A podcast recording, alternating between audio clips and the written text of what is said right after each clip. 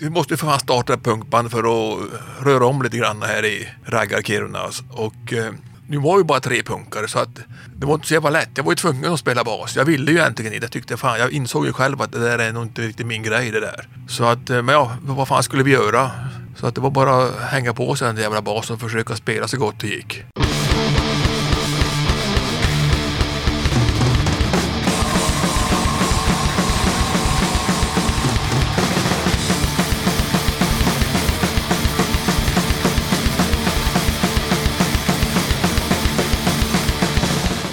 Tjena! Varmt välkommen till avsnitt 101 av Döda katten Podcast. Den här gången tar jag med ett snack med Roger Olofsson som eh, bland annat trakterat basen i det då nordligaste punkbandet i Sverige, The Blains. Vi kommer att prata om uppväxten i Kiruna, vad punken betyder för Roger, totalvägran, raggare, crass och en hel del annat. Innan vi rullar igång snacket med eh, Roger så blir det såklart en eh, utlottning och lite musik. I förra avsnittet utlyste jag en utlottning tillsammans med Perkele. Det som stod på spel var deras senaste LP Leaders of Tomorrow och en snygg Perkele-t-shirt. Jag säger stort grattis till Joakim Lindblom Berg som får hem plattan och tishan på posten i dagarna. Då kör vi såklart en ny utlottning och eh, den här gången är det återigen Perkele som står för priserna. Det som står på spel är Perkeles liveplatta Songs for You live in Magdeburg på dubbelvinyl och en eh, DVD som heter Sounds of the Streets Live in Prag 2006. Förutom över 16 låtar från konserten så innehåller den här DVDn även en slideshow, history och discography och eh, special features. Bild på det här härliga kittet kommer jag att lägga upp på kattens sociala medier inom kort. Gillar du Perkeler så får du inte missa nästa avsnitt av Döda katten. Där blir det en tredje och sista utlottning av Perkele-prylar. Allt du behöver göra för att vara med i den här utlottningen är att dra ett mejl till dodakatten gmail.com eller skicka ett DM på kattens sociala medier och skriv Perkele 2. Hör av dig senast lördagen den 15 augusti om du vill vara med i den här utlottningen. Katten har tryckt upp nya tygkassar. Bild hittar du på kattens Instagram och Facebook. Priset är 170 spänn inklusive porto eller 120 kronor om du är en av kattens Patreons. Kolla gärna in Döda katten på Patreon. Där kan du stötta podden och samtidigt ta del av lite bonusmaterial och få rabatt och förtur på Döda kattens merch. På tal om Patreon så är jag otroligt glad och tacksam över att katten har fått tre nya Patrons. Först ut så har vi Joakim Åberg som har valt att stötta podden med 5 dollar i månaden. Stort tack till dig Joakim! Sen har vi Thomas Sällstedt som också har valt att stötta katten med motsvarande 50 spänn i månaden. Tack som fan för ditt stöd Thomas! Sist ut så har vi Veronica Larsson som också har valt att stötta podden med 5 dollar i månaden. Tack så jättemycket för det Veronica! Dessa tre nya hjältar får i dagarna Döda kattens 5 kit på posten bestående av klibbor, patch och pin. Mer information om Patreon och hur du gör för att köpa Döda kattens merch det kommer i slutet av avsnittet. Vill man stötta Döda katten utan att vara en Patreon så går det alldeles utmärkt att skicka Skicka ett bidrag via Swish till 0725 22 02 14. Klubb Altruism meddelar att förhoppningsvis har 50 pers restriktioner släppt tills i höst och då kör vi på Kulteriet igen. Den 21 november startar vi post-corona-säsongen med en eh, riktig genomkörare. Vi har bjudit in Illvilja, Eddie Hardcore och även Björnarna. Det kommer att bli en oförglömlig kväll där kärlek, solidaritet och punk står i centrum. Som alltid kommer att säljas merch där pengarna vi får in går oavkortat till Kvinnohuset Tranan och Suicide Zero. Event och info om förköp kommer upp på vår Facebook-sida inom kort. Och hela Altruism Crew vill ge dig yxan 100 mentala high-fives för alla episoder du har släppt och för 100 nya. Jag tackar Klubb Altruism för det och hoppas att vi ses i Skövde i november. Johan i Blisterhead gav mig en bok som heter Att cykla med seglet, Erik Törnqvist. Boken innehåller citat och små berättelser från livet på vägarna med en sångare som lyckas förvränga ordspråk till oigenkännlighet på ett formidabelt sätt. 2005 började Johan ta fram telefonen och skriva ner Eriks märkliga ord och uttryck som han nu har samlat i den här boken. Jag tror inte att det finns särskilt många ex av den här boken, utan den eh, var nog mest gjord som en väldigt kul present till Erik. Men eh, kolla med Blisterhead om du skulle vilja ha ett ex. Jag tänker i alla fall läsa ett par felsägningar i detta och i några av de kommande avsnitten av podden. Vi börjar med Eriks reflektion på öl utomlands. Nu är jag så jävla trött på de här pisshemska inölen. Har de ingen vanlig öl, typ Norrlands guld? Vi tar en till. Min farsa var rätt eh, ung när han fick mig. Nu är han 55 och han fick mig när jag var 28. Och en sista. Tänk dig vad gött att bara dra runt på stan med en kasse bärs och en bandsprängare. Tipsa gärna katten om vad som helst punkrelaterat som kommande punkspelningar och liknande. Även gig som kommer att hållas på nätet. Dra ett mejl till dodakatten gmail.com. Sanna på Rockebo Records skriver så här om ny rock från Åre. Bratland har genom minimalt slit och bristande uppoffringar wallraffat sig genom överklassen och berättar nu deras saga. Med tre ackord, ett par snyggt skurna chinos och gamla medlemmar från Svarta Natt och Burglars är Bratland förlöst. EPn Posener är bandets första släpp. Om Batman hade stannat hemma i morgonrocken och krökat så hade det förmodligen varit till den här låten. 100 Gin Tonics är din drömkväll, men är en högst standardmässig tisdag för Bratland. To the Let's go. Atomic batteries to power. Turbines to speed. Roger. Ready to move out.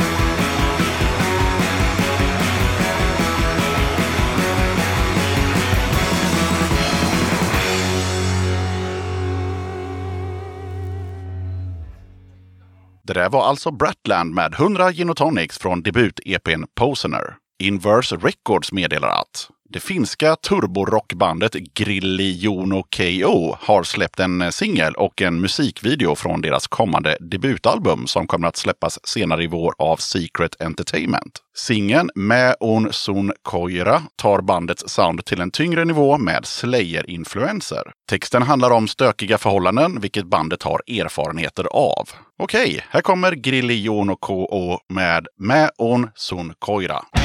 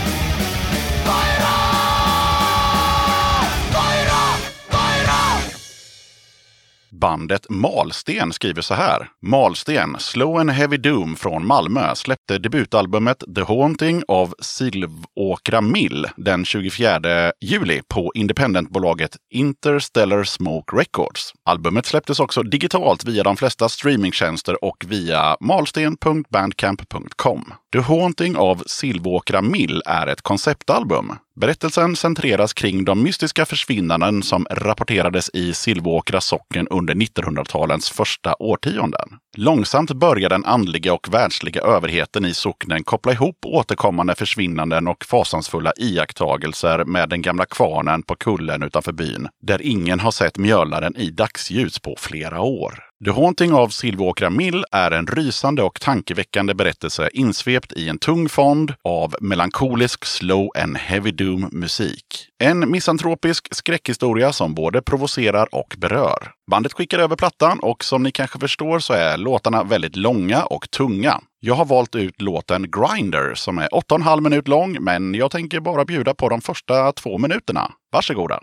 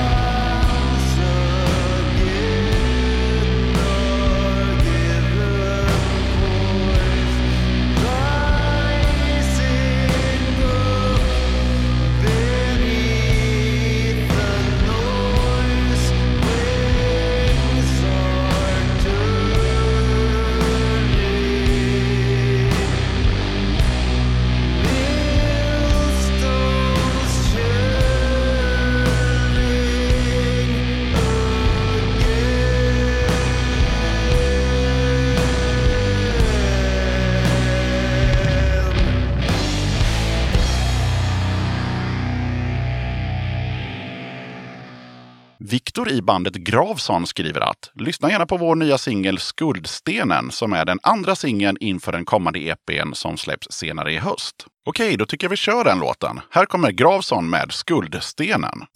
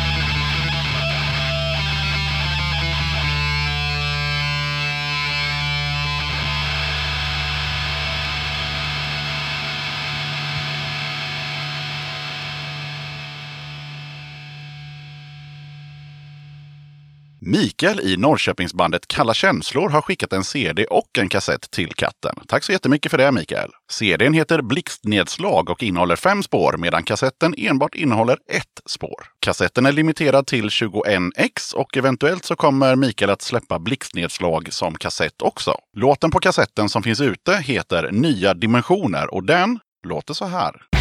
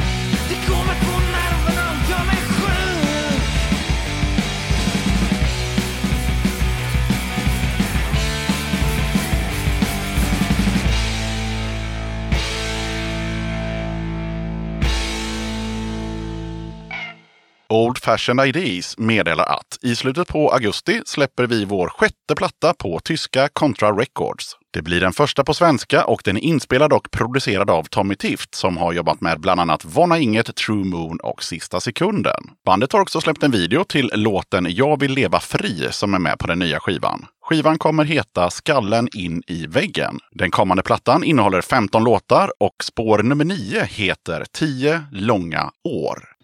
Ett flyktigt möte, ingen minns ledde till mer än vad någon trott att en replik på fyllan skulle få något gjort. Ingen hade anat att det lett till tio år, tio år med några vänner. Vänner som består. Men vad vi ville då var spela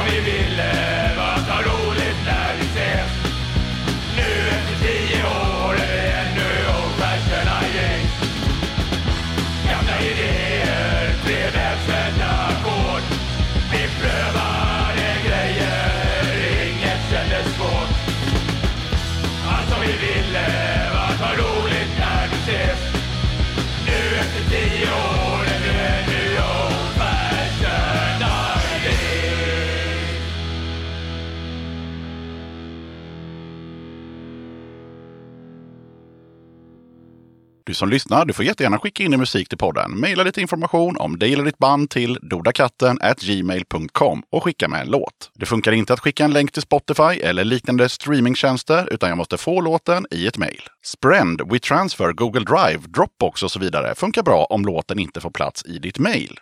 Vill du eller ditt band, förening, sällskap eller liknande vara med som gäster i Döda katten? Kul! Dra ett mejl till dodakatten gmail.com så tar vi det därifrån. Okej, jag som gör den här podden kallas Yxan. Avsnittets gäst är Roger Olofsson och nu rullar vi bandet. Döda katten podcast.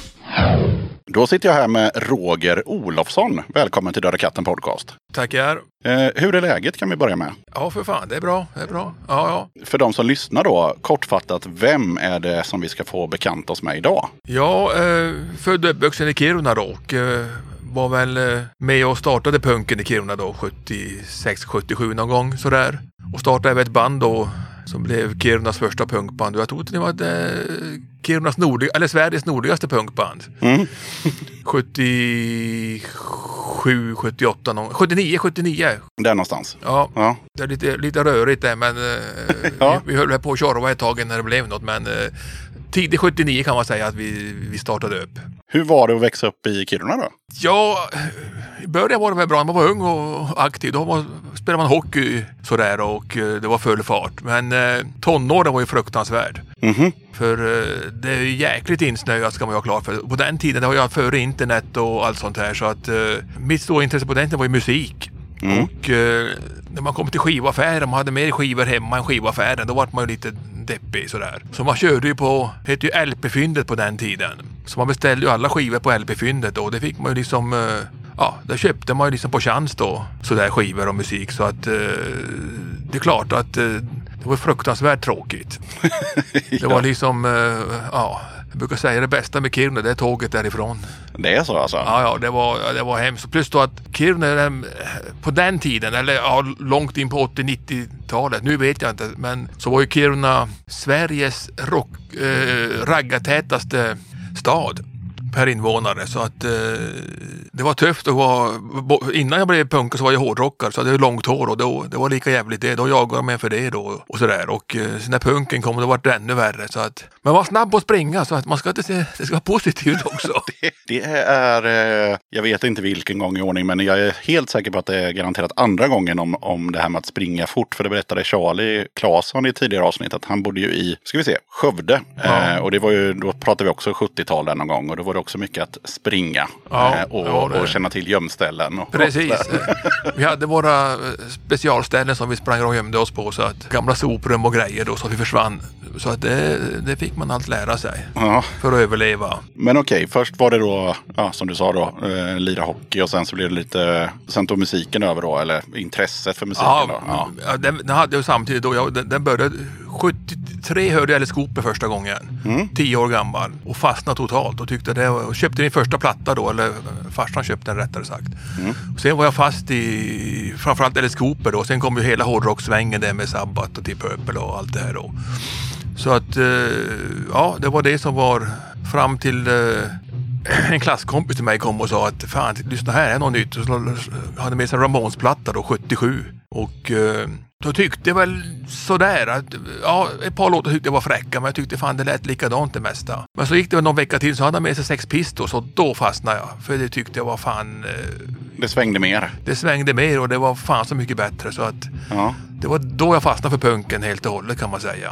Det är svårt att ta in för mig som är några år yngre att liksom man har hårdrocken, man gillar den, alltså som du sa då med band som Black Sabbath och sådär. Och sen så kommer Sex Pistols. Det måste liksom varit, ja, man hade ju inte hört något liknande till att börja Nej, med. nej. Ja, det var en, en energin där jag tyckte som var fantastisk på, på något sätt som jag gillade. Så att, eh, ja. Mm. Men som Ramones, ja, Nu gillar de mer tror jag då han gjorde då faktiskt. Men, eh, men då tyckte jag var lite, ett par låtar tyckte jag var bra på första plattan men eh, ja, var lite skeptisk. Ja, men det måste man ju förstå. Man ska ju liksom göra transformationen från, från, från hård, svulstig hårdrock också då, 70-tals hårdrock till, Ja. till, till tre ackord och, och Gabba Gabba Hej. Det är klart att det gör man jo, ju inte var- på en eftermiddag. Liksom, kanske. Men okej, men Sex Pistols vann över dig till, till Ja, punksidan. ut, utan tvekan. Sen kom ju resten Shamsis Nine och hela det här gänget då som Tyckte tyckte var för jävla bra. Så att ja, då fastnade jag. Så det, det är min eh, klasskompis fel alltihop. Men, men, men hur gick det till? Det är också intressant. Hur, eh, alltså, hur upptäckte du eh, banden efter Sex Pistols då, som du nämnde då, Sham 69 och så vidare? Ja, då, Med tanke på att Kiruna kanske inte Ja, hade, hade ja. Sham 69 i skiv, skivbutiken. Nej, det, det fan, vi fick beställa allt som sagt. Men då, vi köpte, eh, vad hette den tidningen? New Musical Express eller sånt där Mm, va? Ja, och där stod det mycket punk. Så man fick ju gå in där och läsa och så fick man ju liksom köpa på, på chans då. Ja, Så att, eh, ja det var så vi gjorde helt enkelt. Vi beställde som fan med skivor. Sen, sen faktiskt så var det två killar som hade varit över till London och eh, fastnade för punken också då. Och eh, de tog hem en jäkla massa plattor, singlar och LPn från London och eh, sålde helt enkelt i sin lägenhet. jaha. Så att eh, helt plötsligt så hamnade vi där och där hittade en jävla massa musik som var, som var bra. Bland annat, det där fick ta på Crash första platta då. Ja, Och som blev eh, min grej då för anarkopunken då. ja. Och den politiska delen. Så det var tack vare dem som vi hörde Crash första gången. När du beställde skivor sådär på chans, har, har du något minne av någonting som var så här, oj då, det här var inte särskilt bra. Eller inte alls som du hade förväntat dig. Vi kan säga att det hände ett par gånger. Bland annat så, vi lyssnade på, sen kom ju den här uh, Ny Våg. Mm. Och då spelade de ett uh, skånskt band som heter Noise. Som vi tyckte var för jävla bra. Så då var vi faktiskt den här skivaffären som hade ett par plattor. Då hade de fått in Noise. Mm. Tänkte fan, perfekt. Så kompisen, han köpte Noise. Och kom hem till mig och slängde på och tyckte, vad fan är det här för skit? Fattar ingenting. För det var ju Noise med C. Eh, vad, heter den? En kväll i tunnelbanan, Ja, dag i ja, tunnelbanan. Ja, ja, skiten. de, såg, de såg ut som punkare också. Ja, de Ja, hade ju lite den estetiken. Ja, Absolut. och Ja. så, så satt där på tunnelbanan och tänkte fan, det, är- visst, jag hade hört, jag hade sett stavningen på Noise. Ja. Vi, vi trodde att det var samma band. Tänkte, vad fan. Ja, då blir ni besvikna. Ja, den singeln åkte ut genom fönstret vet jag. Ja. Den kanske har varit värd pengar idag om man med facit. hand. ja, det hade den varit. Absolut. Men absolut. den, den skickade ut genom fönstret. Han blev så förbannad. Så att... Polis var också ett band som vi hade läst om och tänkte fan. Så det, köpte han, det var samma kille, han köpte den också. En LP då. Mm. Polis första platta. Och det var väl kanske inte heller direkt så att vi tyckte att det var någon höjdare. Nu älskar jag polis men... eh, Alltså det tog- Stings polis. Ja just Ja, det. ja. Och eh, tyckte vad fan, då vill vi ha det här Ja. lite tuffare. Precis. Ja, nej, det jag tänkte på var att förklara för lyssnarna vad Nivåg Våg eh, var för någonting. För det är inte säkert att alla har koll på. Men det var ett radioprogram helt enkelt. Ja, där man körde mycket punk. Bland annat Jonas Almqvist höll ju det och så var det någon, vad den tjejen hette som höll i det också. Men där fick vi också mycket influenser då. Ja, för det har ju nämnts i, i, i podden tidigare, just eh, ny våg. Och då, då måste man ju komma ihåg att, som du sa då, det fanns inte internet. Och bodde du inte i Stockholm, Malmö eller Göteborg så hade du liksom inte... Nej, nej, nej, du var helt off. Jag kommer ihåg själv när jag var ung och det var ju några år eh, efter. Och då liksom i den byn, det, vad fanns det? 50 skivor på expert liksom. Det Ja. var liksom, du vet, man fick en skiva när man köpte en stereo. Och visst, de, man kunde köpa någon skiva. Alltså, men det var liksom, de hade ju ingen koll. Liksom. Nej, jag har ingen nej. aning om vad de hade för, för skivor där. Liksom. Men, så man var ju tvungen att åka till ja, någon, någon, någon grannkommun som, som kanske hade en skivaffär med, med Ja, lite precis. mer skivor i alla fall. Då, så här, och, ja, och sen så blev det liksom eh, ja, klassresa till Göteborg. Då, då, då jävlar. Vi hade klasser till Stockholm, det var 120 mil. ja. Men då köpte du skivor. Då var det skivor. Ja. Vi kommer ihåg när vi, var, vi åkte skulle se Ebba Grön. Mm. 79 var väl det. Då åkte vi med, med skolan då och då var det, det var snöstorm i Kiruna. Det var i maj månad och det var 15 minus och snöstorm så att eh, vi hade ju liksom kläder därefter. Kom till Stockholm och det var 20 plus. Oj. Det stod folk och väntade med t-shirt och det kommer vi med alltså riktigt alltså du vet eh, anorak grejer. och gra, Graninge-skor, Lovikka-vantar, toppluva. Det var inget snack om att här kommer kusinerna från landet. Liksom. Fy fan, det var, Ja. det var skillnad. Det var liksom, man fattade inte det alltså, på ett dygn. Ja. Ja, men det är väl det också att alltså Kiruna, det, det är långt dit. Det är jävligt långt upp. Ja, ja li, lite anknytning där till, eh, till Kiruna. Eh, Nu bor ju du i Lindom om jag fattar det rätt. Ja. Men vad tycker du om Kiruna-flytten?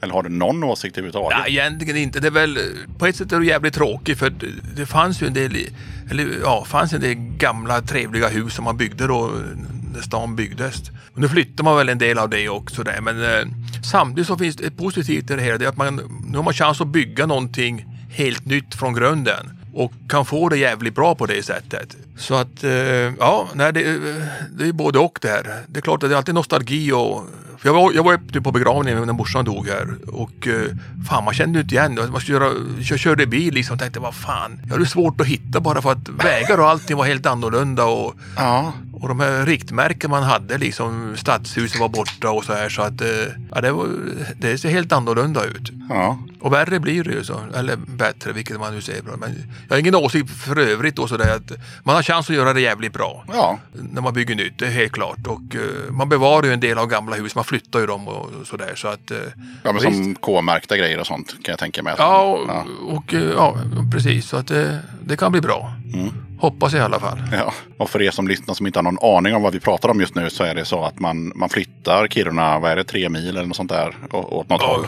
ja något Ja. sånt här. Man flyttar, åtminstone halva stan åker i första vändan här. Så att, Ja, och det är ju för att man har liksom grävt ut för mycket i, i gruvan så att eh, ja, man vågar inte ha kvar stan där Nej. den ligger helt enkelt. Då. och så att man hittar en massa malm under stan då. Så att, Som man ska utvinna också. Ja, då, så, precis. Ja, ja. så det är ju liksom, jag vet inte, jag är inte så påläst om, om det har hänt någon annanstans i världen. Men jag tror att det är relativt unikt att man flyttar en stad. Det tror jag. ja, det är det nog. Det kanske har hänt i någon annan gruvstad någonstans någon gång. Ja, Men- men- Malmberget faktiskt. Ja, okej. Där Erik Niva är ifrån. Ja, så att det är, det är ungefär samma sits. Ja, men Malmberget är mindre än Kiruna, alltså till Ja, population ja. tänker jag. Ja, det är det. Och ehm, då tänker jag, då måste du ju berätta lite om The Blains.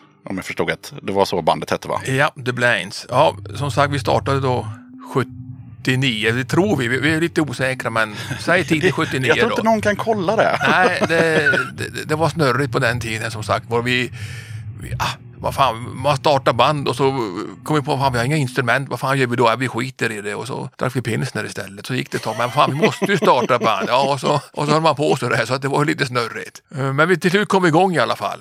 Och eh, ja, trummisen, eller först, ja, vi hade min kusin på trummor och så en annan kille på sång och gitarr och så jag på bas då. Och så kom efter vi hade spelat, eller tränat, eller vad man ska kalla det för, repat eh, ett par veckor så kom vi på att, eller kom trummisen på att nej fan, jag vill spela gitarr istället. Trummor var för jävla tråkigt. så att eh, han spelade gitarr och, och gitarristen och sångare, han blev sångare och så hade vi ingen trummis helt plötsligt. Så för första spelningen vi hade så fick vi låna in en trummis från ett annat band då. Så att, eh, som hade aldrig, aldrig hört låtarna heller. Så att, och han var reggae-trummis så att det var Jag- måste bara avbryta lite snabbt. Hur gamla var ni när, när ni... När, när ni 70, 79, vad fan är man då? 14, 15? Okej, ja. Däromkring. Högstadietiden, helt enkelt. Så till slut så slutade eh, ni dricka bärs. Eller det kanske ni fortsatte göra, men ni skaffade inte, eh, instrument och drog igång bandet i alla fall då. Ja, eller låna eller vad fan vi gjorde. Eller vad ni nu gjorde, Ja, ja. precis. Så att, eh, ja, vi fick en spelning i alla fall. Nu kommer jag inte ihåg om vi, om vi hade spelningar. Det är lite rörigt. Vi fick ett par spelningar först där vi spelade på skolorna, i gympasalarna. Och sen hade vi en riktig spelning kan man väl säga då på en folkhögskola där med, med, det var tre band. Det var vi, så var det Aldrig Livet som är en kultband i Kiruna kan man säga. Lite Dag Vag-influerade sådär. Jävligt bra band. Och så var det ett Luleband som har släppt en hel del plattor som heter Ramaskri. Så att det var eh, vi tre som spelade. Så att det blev lite grann i folkmun sa man att ska ni lyssna på Blains? Aldrig i livet. Det låter som ett jävla ramaskri. Ja. Så att det fick man med alla. Och, och så var det också. Vi var ju... Ja, jag kommer ihåg att när vi skulle spela då så, vi hade ju inte inställning och sånt där, så vi gick bara fram och drog max på alla volymknappar som fanns och, och så drog vi bara full fart. ja. Och han stackars trummisen, han, han spelade som alla gjorde. Han slog sönder tre trumpinnar på, på tio låtar eller vad det var. Så att det var... Och så slutade det så kul. Alla låtar slutade ju snabbt. Bam sådär. Då fortsatte han ju trumma en tio sekunder. när Han kom på att fan, det var slut. Så det, var, det var mycket sånt här Ja. skoj som hände. Så lyckades vi rensa så att ungefär det var fullsatt. eh, 25 procent var kvar efter tre låtar. Så att, de hade ju aldrig hört pung så det var ju något helt nytt. Men hur lät Blains? Om du kommer ihåg. Det lät, ja, punk som, som fan. Ja. Vi spelade ju, vi hade ett par egna låtar, men vi, hade, vi körde ju Ebba-covers då. Totalvägra, Häng Gud, Skjut en snut jag vi körde, lite andra låtar också sådär med. Och vi körde nog ännu snabbare tror jag. Vi drog på som allt vad vi kunde så att säga. Så Det var att, snabb 77-punk. skulle Ja, ja. Ja, mm. Och namnet Blains. För jag försökte ju googla och se om jag kunde hitta någonting. Men jag hittade ju ingenting om det. förut kunde, när jag googlade för något år sedan så fanns det lite grejer om The Blains från Kiruna. Okej, då var jag dålig på att googla då. Ja, jag, jag tror att det, jag hittade inte heller så mycket nu när jag googlade men eh, sist jag googlade så var det, eh, det var tre år sedan, fyra år sedan jag googlade. Då, då stod det en del grejer om, det går ju sådana här, eh, vad ska man säga, massa snack i Kiruna då som är rätt roliga så att det var kul att läsa det för det stämde ju inte det, det minsta så att Nej, alltså det är det som är fascinerande med, med internet. Och om jag återigen återgår till den här intervjun jag hade med, med Charlie så finns det ju en Wikipedia-sida om Anticimex. Och den var ju liksom så här, ja den stämde kanske till 80 procent. Men en hel del som stod där var bara skit. Alltså det stämde Ja, ja. ingenstans. Och det är ju det här med att ja, men på Wikipedia, det kan ju vem som helst skriva. ja precis. Eh, Vem som helst kan ju bara gå in och editera och bara, ja. Men vad fan betyder ens Blames? Jag tror det är bölderna. Bölderna ja, okej, japp. Mm. Men ni sjöng på engelska eller? Nej, svenska. Ni sjöng på svenska och hade ett engelskt namn. Nu är vi där igen. Ja, eh, ja, ja. Det är inte heller första gången. Nej, du påstår att vi körde på engelska låtar också, påstår sångaren. Ja. Inget minne av det, men mycket möjligt. ja, för jag fick ett, eh, ett mail här in, innan podden, eh, lite, lite snabb info. Och eh, då skrev du att du försökte spela bas i, i Blames. Ja, man, ja, precis. Det var ju inte, man slog väl kanske inte några, ja, man var inte bäst direkt. Nej, utan men snarare sämst. Så att, eh, ja, nej, man, jag, jag var väl den som var sämst i bandet utan tvekan. Jag fick kämpa som fan att få ihop de här låtarna så gott det gick. De andra hade ju, vi hade ju framförallt han, min kusin då, som spelar gitarr och, och trummor. Han var ju så jävla överbegåvad fan så att när han spelade gitarr i sex månader så trodde de flesta han spelat gitarr i sex år. Mm. Han var där riktigt jävla som hade lust att gå fram och bryta fingrarna av. Po- Pojkjävel. ja. Men har, har du spelat någonting efter det? Nej, jag försökte ta upp det här. Jag hade kvar basen hela tiden. Mm. Men näst, jag hade lagt undan den så jag försökte. Men jag insåg att fan, det där är ingenting för mig. Fan, jag är för jävla fyrkantigt taktsinne eller något. Jag vet inte. Så att, eh, nej. vi hade, det var lite snack vi skulle köra en comeback för det var Folk ville det verkligen i Kiruna, liksom att fan det var jävligt kul och, och sådär. Och så vi hade lite snack om fan det var kanske skoj att köra fem låtar. Mm. Men det är svårt att få ihop det. Jag bor i Göteborg och Kiruna och Västerås och var fan de bor nu. Ja, de är utspridda över landet. Ja, så att det är inte så lätt. Eh, Så du fick helt enkelt lägga den musikerdrömmen på, på hyllan helt enkelt? Ja, det var ju ingen dröm egentligen. Nej okej, det var mer bara att det var det ni gjorde. Grejen var bara att det, helt enkelt var det så att vi tyckte vi måste för fan starta punkband för att röra om lite grann här i raggar-Kiruna. Och eh, nu var vi bara tre punkare så att det var inte så jävla lätt. Jag var ju tvungen att spela bas. Jag ville ju egentligen inte. Jag tyckte fan, jag insåg ju själv att det där är nog inte riktigt min grej det där. Så att, eh, men ja, vad fan skulle vi göra? Så att det var bara att hänga på sig den där jävla basen och försöka spela så gott det gick. Men, och du skrev också någonting om att eh, det blev lite rabalder där med... Det blev jävligt mycket, mycket rabalder. Vi var till och med, första problem med raggarna då, så att Kom raggarna till spelningen? Ja, de eller? kom till spelningarna och, och stod utanför och väntade för att eh, banka skiten. Så vi, ofta fick vi ju smyga ut bakvägen då, liksom eh, bakingången då. Så kom någon och hämtade oss med bil. Så fick vi ligga i baksätet så ingen såg oss. Men herregud, ja. Ja, så att eh, vi blev ofta jagade alltså, efter så här spelningar och sådär så fick vi springa så skjortan stod rätt ut. Så att, eh, men sen, eh, vi var ju stoppade också då av Kiruna kommun. Ja, det skrev du ju. Och, det, och jag tänkte så här, jag, svarar inte ens på det. Utan jag tänker vi tar det nu i podden. Hur fan kan en kommun gå in och stoppa ett band?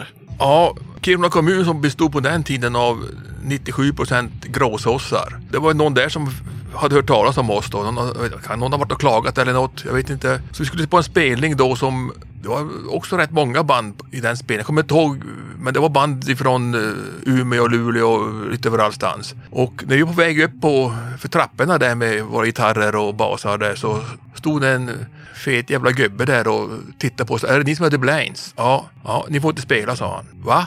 Vi ska ju spela nu. Nej, sa han bara, vi har stoppat det. det då han ifrån fysisk kulturnämnden eller vad fan, han var kommunalpolitiker eller något jävla slag. Så att det, nej, vi kom inte längre än så. Då frågade han, är ni som spelar, vi hade en egen låt där som blev en hit som hette Knulla Silvia i örat. Klart den hette. ja, Så att, eh, den, den föll inte i god jord hos Kiruna kommun helt enkelt. nej. Och då sa vi, det ja men den får inte spela sa han. Och då sa jag, vad fan, eh, har du hört de andra låtarna då? Och så tog jag Ebbas låtar då, Skjuten snut, Häng Gud och det. Nej för fan sa han, ni får inte spela alls sa han. Och så var det, då var det och sen stoppade de ju oss, hela kommunen, fick inte spela någonstans. Fy fan vad sjukt. Alltså, det är ju jättesjukt om man tänker efter. För jag menar, ni var väl inte liksom världens största band? Eh, Nej, Men, vi var, världsberömda i Kiruna möjligtvis. ja, exakt. exakt. Så att det, var, det, det roliga var att det var, det var två tjejer som jobbade på, som var fritidsledare som hade arrangerat spelningar i skolorna för oss. Och de sa upp sig i ren protest. De blev så förbannade och tyckte vad i helvete är det här för något? Ja men det är ju, det är ju, alltså, Ja, ja, det är ju sjukt om man tänker på det. Jag menar, vad fan. alltså, Så man, hade, man inkallade ett, blixtinkallade ett extra möte då. Där, eh, tror det var Vänsterpartiet som hade inkallat det och sa nu får det fan med vara nog, i helvete är detta. Så att jag tror att efter visst tag så fick vi börja spela igen då. Tack vare de här två tjejerna då och Vänsterpartiet där i Kiruna då som sa nu får det fan, det är ju för fan diktaturfasoner. ja det är det. Vad fan, vi har ju, vi har ju liksom eh, yttrandefrihet och, och liksom kulturliv och så vidare. Då kan ju inte någon jävla kommunpolitiker komma in och säga att det här bandet får inte spela. Nej. Det som är intressant däremot är ju hur de ens kom fram, alltså hur, hur det ens liksom nådde dem att, nu vet inte jag hur stort Kiruna var på 70-talet, men Ja, det liksom var ju att, inte stort. Nej, men liksom hur, eh, det kan vi ju bara spekulera i, men liksom, ni hade gjort lite spelningar, någon störde sig på det och någon gick till kommunen. Alltså det låter ju helt sjukt. Ja, eller om de var på Ja, i det, men, det- Kiruna var ju ändå så, det hände inte så mycket där. Va? Det, det är ju en stad som är, på den tiden var jävligt död. Så att när det väl hände något så gick ju alla dit. Så att det kan ju lika gärna varit att någon har varit där och, och fick sig en chock då när de fick höra våra låtar där. Så att Ja. misstänker jag. Eller om någon anmälde det, jag vet inte. Men sen fick ni tillbaka licensen att spela egentligen. Ja, nu nu påstår ju min eh, sångare i bandet där som påstod att, eh, vi, fick, att vi spelade tydligen eh, ett par spelningar i ett annat namn bara för att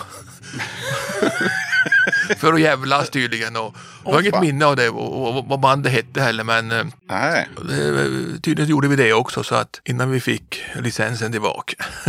Ja, det kan vi ju avslöja att Roger fick göra lite research här med, med sina gamla bandkollegor. För att eh, ja, det var ju, det var ju inte igår liksom. Nej, det var inte igår. Det var som sagt eh, rörig period också. Det var mycket, mycket rock'n'roll och pilsner så att Mm. man blandade ihop datum och grejer och ja. Det är klart. Men spelade ni utanför Kiruna någonting eller? Nej, vi, Nej. vi fick spelning i Stockholm. Mm. Men eh, när vi skulle åka dit så sket det sig på något sätt. Jag kommer inte ihåg vad det var. Det var något som hände så att Det blev inget med det. det blev inget med det. Och inga grannkommuner heller utan det blev, det blev Nej, och då, det, var, det var svårt för man hade ju inte den kontakten heller på det sättet.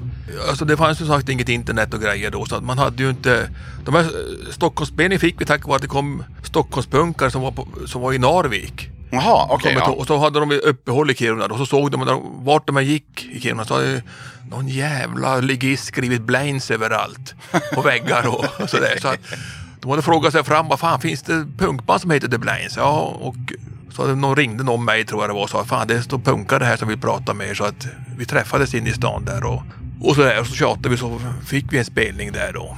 Ja, Det var ju surt att det inte blev... Ja, det var lite surt. Det var skoj. Ja. Men släppte ni någonting alltså fysiskt? Alltså, någon... Nej, nej, nej, nej, fan. nej. Jag, jag har ett kassettband som jag eh, har låst in. Ja. Körde vi inspelade på morsans eh, Luma kassettdäck längst bak i aulan och så drog vi på så skjortan stod rätt ut. Ja, det, det gjorde jag faktiskt. Eh, när kan det ha varit? Typ 5-6 år sedan. Det hittade jag en eh, kassett med ett gammalt band eh, som jag var med i. Som inte heller släppte någonting. Och lånade en sån här, ja, du vet, kassett så att man kan tanka in det i datorn helt Ja, enkelt. Ja, slängde upp det på, på Soundcloud. Ja, det, jag tror vi ska undvara... Vi, vi, ska, vi ska hoppa över det, okej. Ja. Ja, ja, jag, tror ja, jag tror den är inspelad efter vi hade tränat fyra gånger eller något sånt där. Så att, eh, ja okej. Ja, ja, vi, var, vi var lite bättre än det kan vi säga efteråt, men det var inte mycket. Nej. Hur, hur många spelningar gjorde ni tror du? Skulle tippa kanske runt 10-15 spelningar.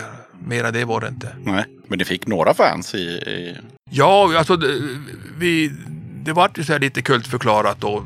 Tack vare att vi var första bandet och sådär. Så att eh, det kom, jag får förfrågningar med jämna mellanrum på Facebook av Kirunabor. Nya unga punkare då, som vill veta hur det var och sådär. Ni gjorde ändå ett litet avtryck. Ja, vi har nu gjort ett rätt stort avtryck tror jag. Så att eh, det, det pratas ju mycket. Ja, det, var, det, det jag såg när jag googlade då så hade de ju en, jag tror det var, vad heter de? Det finns en eh, förening i Kiruna som heter, nu ska vi se här. Ah, skitsamma, de har en musikförening och de hade en, eh, kallas det för när man skriver en massa En blogg. blogg av något slag. Och det hade de pratat just om The Blinds. Och det verkar som att det var Det fanns lite intresse. Ja, ja, ja, för Ja, fan. De ja. hade, alla har hört talas om det så att det är kul i och för sig. Sen har ju du fått eh, välja ut eh, tre låtar som alla andra gäster får göra. Tänkte att eh, vi kunde ju ta och slänga in en låt nu. Vad, vad har du valt som första låt? Ja, då kör vi något med Pistols. Det är utan. För det är ändå det bandet som fick mig att Då får du ju den stora uppgiften också välja vilken låt med Pistols. köra God Save the Queen som man... Ja, safear. Ja, säger för att. ja, men då rullar vi den. Varsågoda.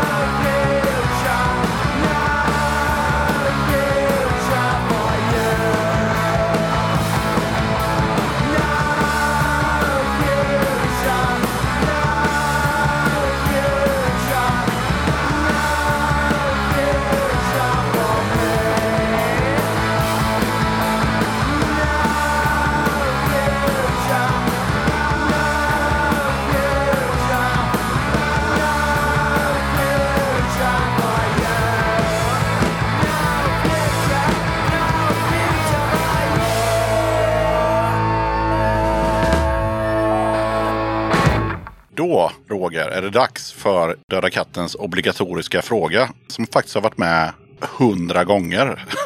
Ja, det är bra. Ja, så du är den 101 gästen som, som ska svara på vad betyder punk för dig?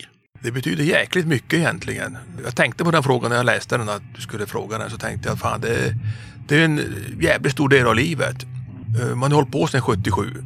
Och eh, det präglar ju ens liv rätt mycket då. Framförallt musikaliskt då förstås. Jag lyssnar ju i och för sig på all typ av musik. Så att, men punken är ändå det jag lyssnar mest på. Och, eh, men sen även eh, politiskt och alltihopa. Så för mig har det alltid hängt ihop det här med punk och politik och på vilket sätt man ska vara. Och det, det tror jag som fastnade för mig, att, att jag blev punkare egentligen.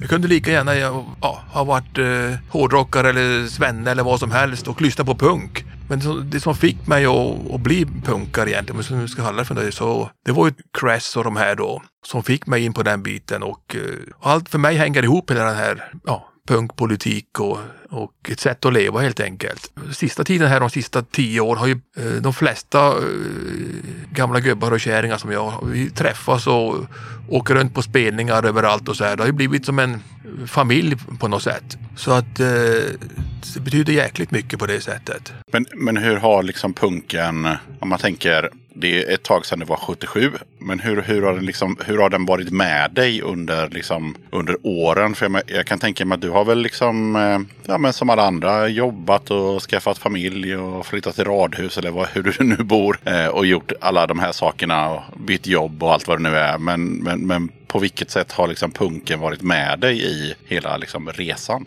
Ja, den har alltid varit där. Alltså jag har ju liksom, eh, jag försökte ju leva ett svenneliv en, en stund det, med, med barn och familj och så här, men det funkade ju inte. Men det kanske inte är punk i sig, det är mer, att, lite mer anarkistiskt egentligen. Det här med kärnfamilj och grejer och sådär.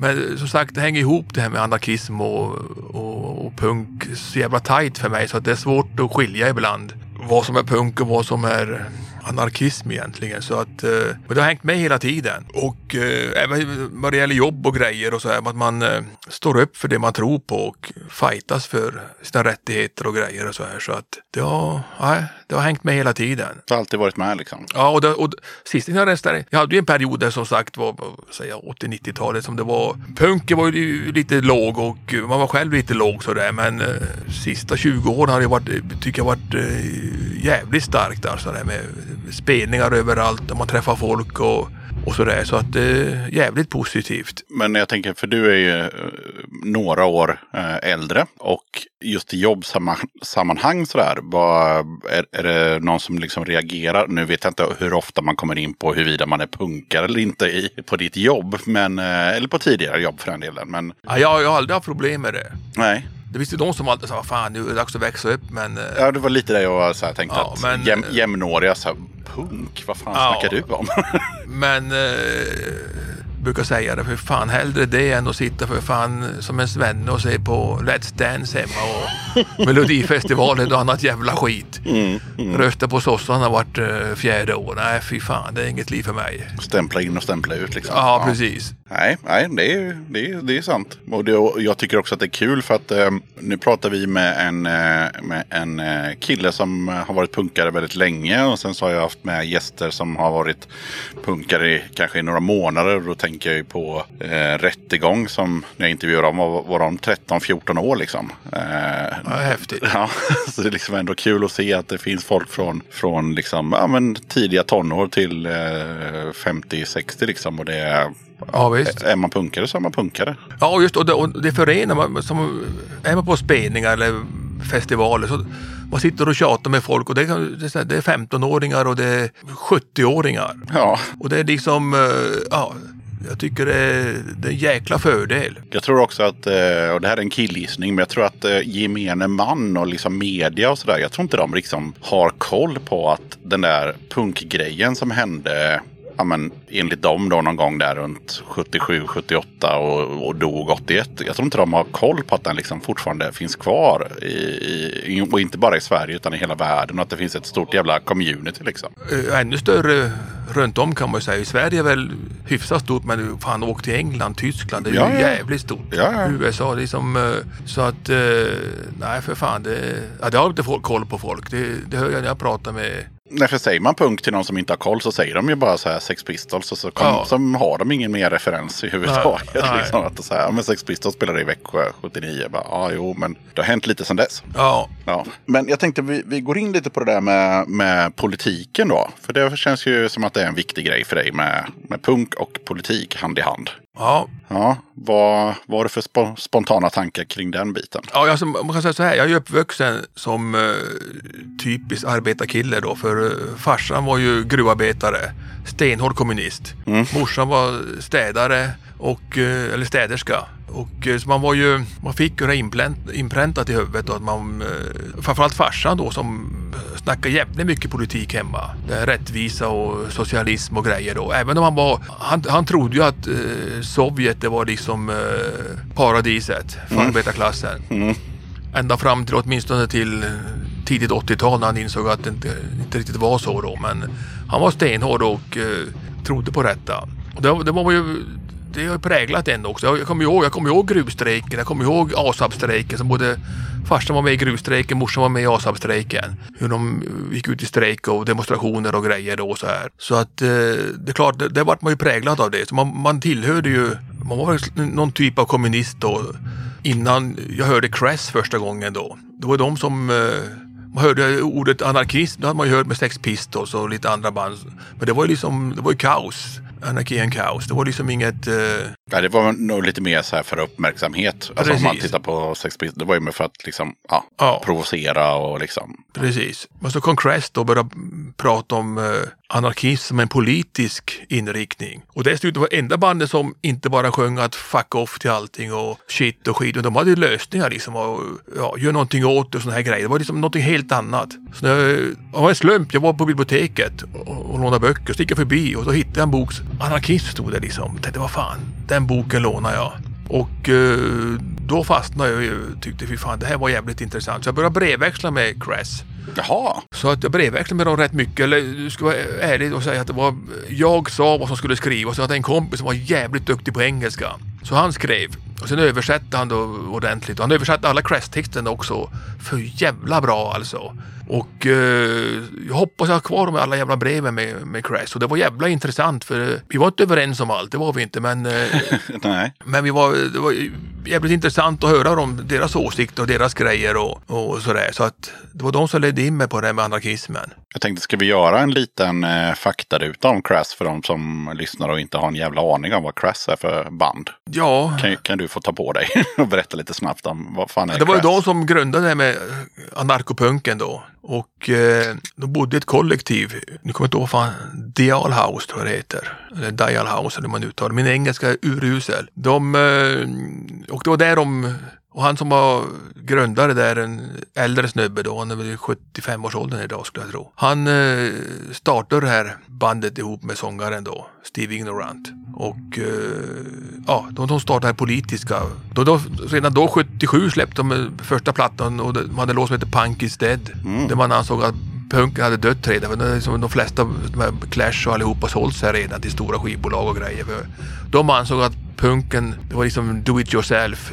Och det gjorde de också. Alla skivor och allt, det släppte de själva då. Och sålde dem för halva priset. Så att, eh, nej, det tyckte jag var jävligt intressant. Men vad, hade liksom Crass för agenda liksom? Eller vad var det de eh, ja, sjöng om och skrev om och så? Ja, det var, det, det var allmänt om eh, situationen i England kan man säga.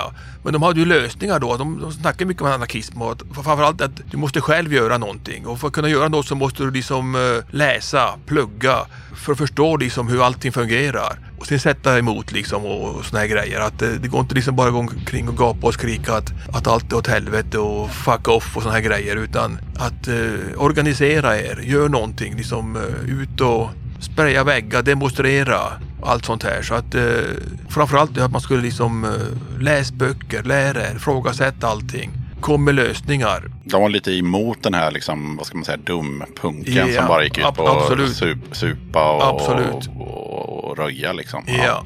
Så att eh, ja, det var jävligt intressant. Så det var på den vägen det var.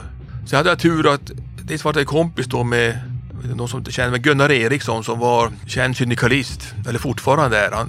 Nu är han ju också rätt gammal. eh, Som jag hade som mentor kan man säga. För jag gick ju med tack vare den här boken som jag läste då så stod det om SAC i Sverige då. Och tänkte, vad fan är det för något? Och så visade att SAC fanns i Kiruna. Kiruna LS var tredje LS i, i Sverige. Och startades 1910.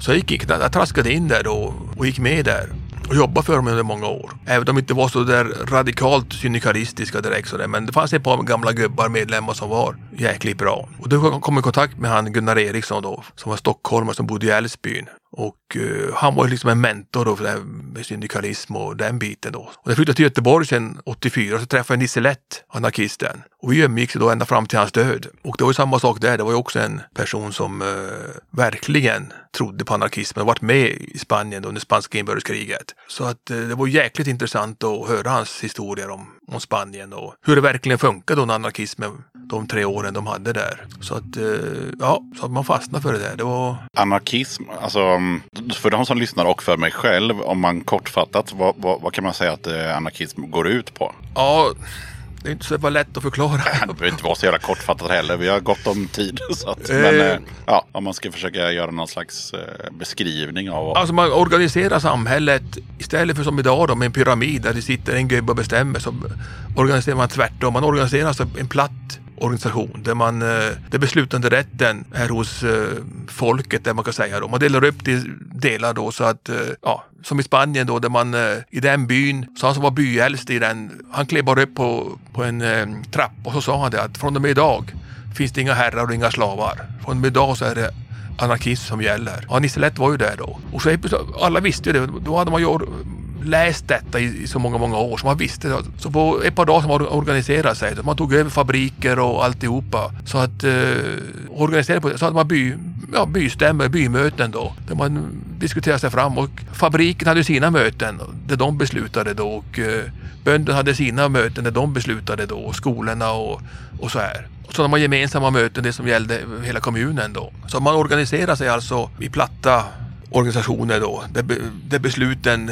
jag behöver inte vara med om, exempelvis som har ingenting med skolan att göra, så besluten är ingenting om skolan utan det är ju de som, Ja, de som har med det att göra som, som, som pysslar med det helt ja, enkelt. Ja. och fabriken, det är de som, som jobbar på fabriken, de beslutar ju sina grejer då. Ja. Men det som gäller kommunen då, då är man ju med på det då. Då satt man i stora möten och, och diskuterade. Och det här är ju fantasi för många, man, man fattar inte det. Men man måste förstå att på den tiden, som i Spanien då exempelvis, till skillnad mot alla andra som hade Karl Marx som idol. Där man hade en person som tänkte åt den. I Spanien hade man, det var Bakunin som var deras, och de hade liksom i 20, 30, 40 år läst Bakunin och Kropotkin och, och de här, Prodon. Och de var ju helt och hållet inställda på det, för de var det helt naturligt. För de hade liksom under 30 år liksom uh, vant sig vid att, att tänka på det sättet. Och de, de var ju med i CNT, det stora anarkosyndikalistiska fackförbundet. Med, jag tror det var tre eller fem miljoner medlemmar.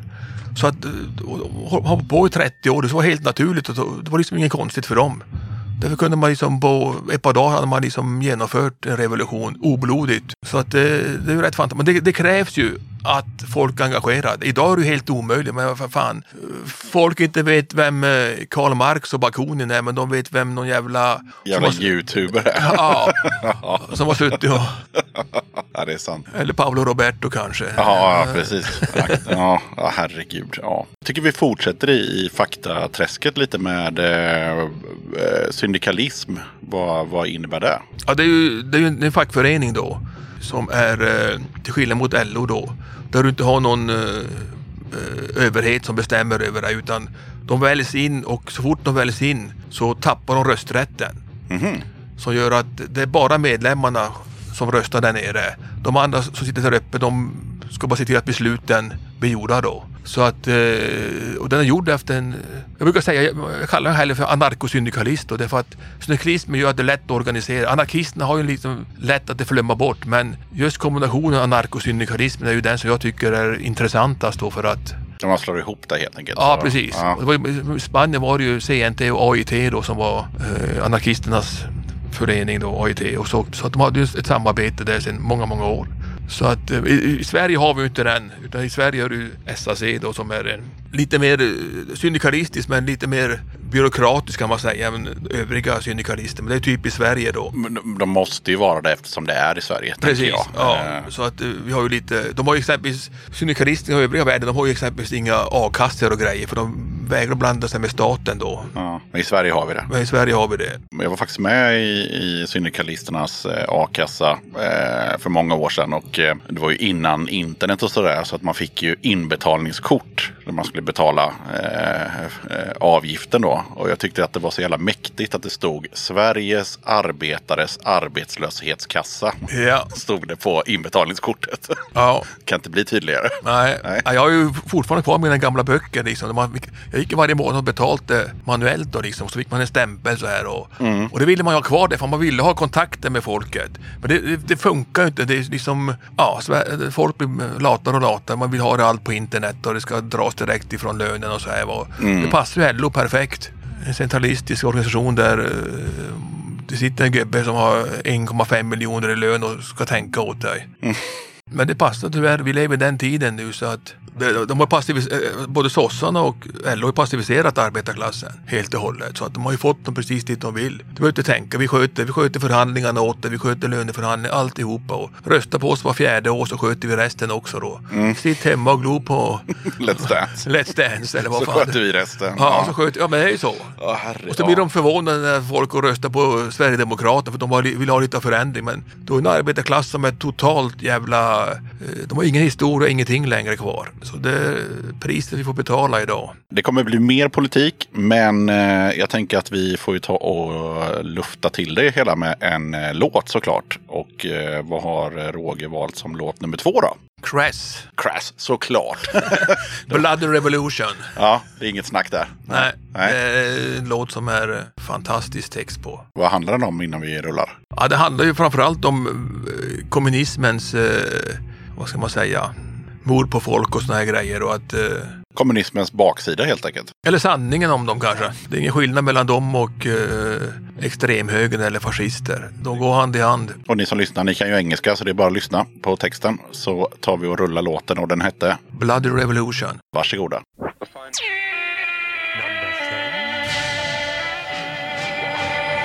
You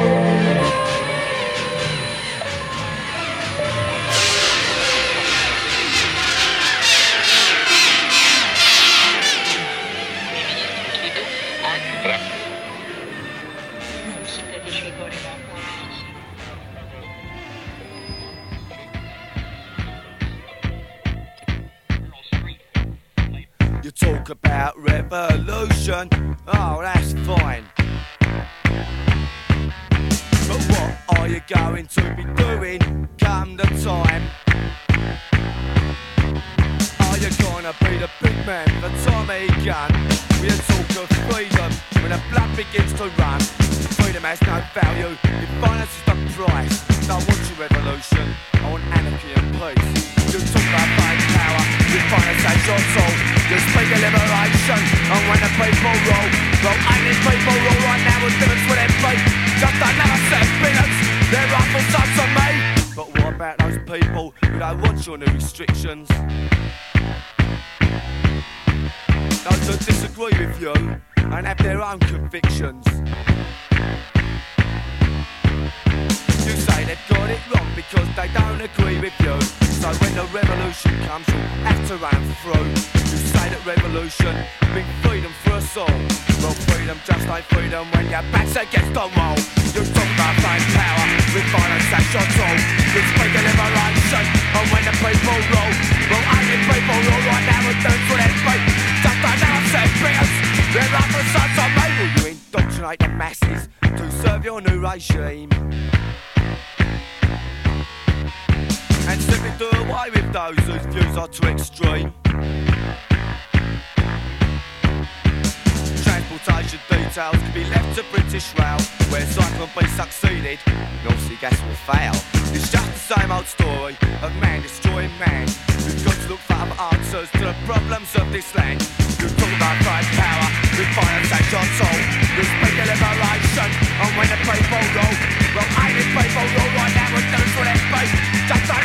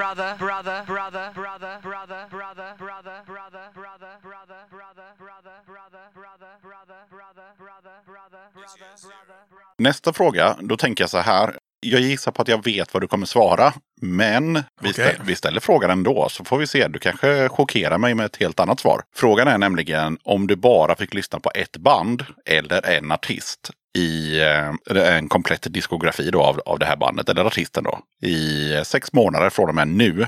Vad skulle det bli då?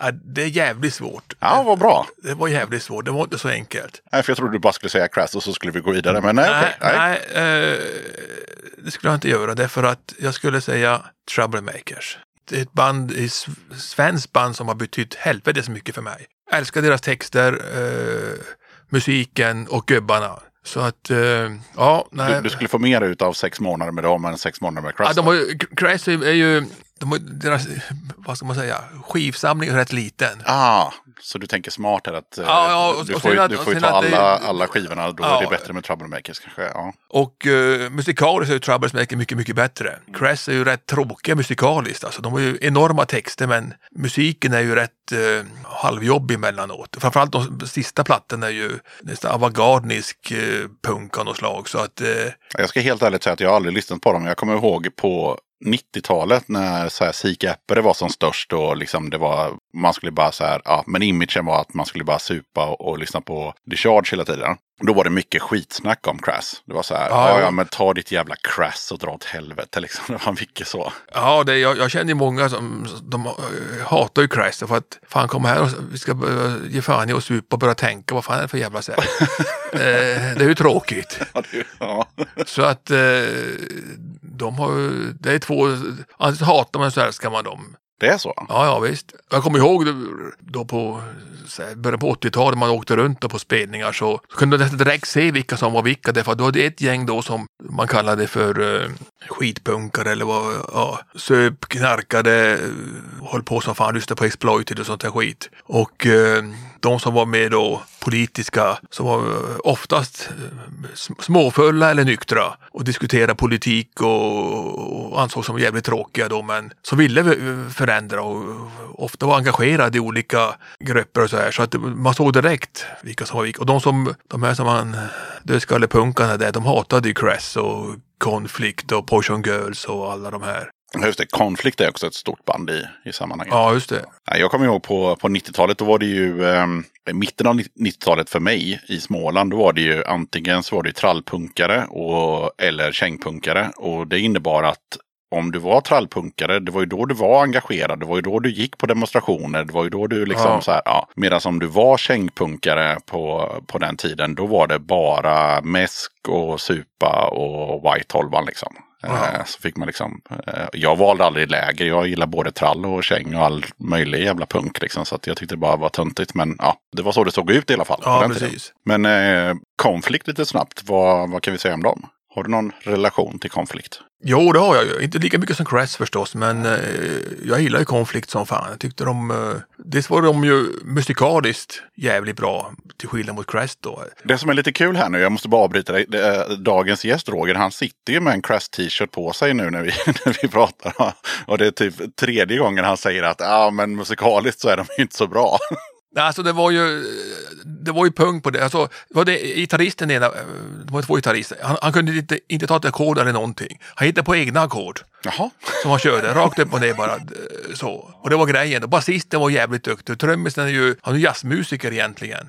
Eh, Men han körde ju liksom, eh, i början körde de ju bara hi-hat och virvel, ingenting annat. Sen fick de lite annat, men så började de då. Så att, och det var ju för att musiken skulle inte vara viktig, det var alltså texten som var det viktiga. Man ville inte liksom börja spela eh, musik som, ja, som folk ska börja gilla utan det var texten som var det viktiga. Så att det var därför de körde den. Och eh, i och för sig första och andra plattan är ju ändå lite, vad ska man säga, risig punk kan man väl säga sådär. Men sen blir det mer avantgardiskt nästan lite, i och för sig som är fräckt på sitt sätt. Men det, Så här kromata-punk. det är jävligt svårt att lyssna på. Det är inte så lättlyssnat om man säger. Eh, nu är jag ju jazzfanatiker också så jag lyssnar mycket på jazz och jazzrock och så här som är där åtta man spelar nio melodier samtidigt. Så att, eh, Det är typ det värsta jag vet. ja, jag, jag, jag älskar det. Oh, ja. Vi ska, vi ska avsluta hela den här eh, sessionen att köra en låt med dem. Ett, band som jag tycker är fantastiskt. Oj, ja, det kommer bli en utmaning för mig och det kommer bli en utmaning för, för, dem, för dem som lyssnar. Ja, Jag tänkte det, man måste bryta lite grann. Ja, ja, ja, herregud.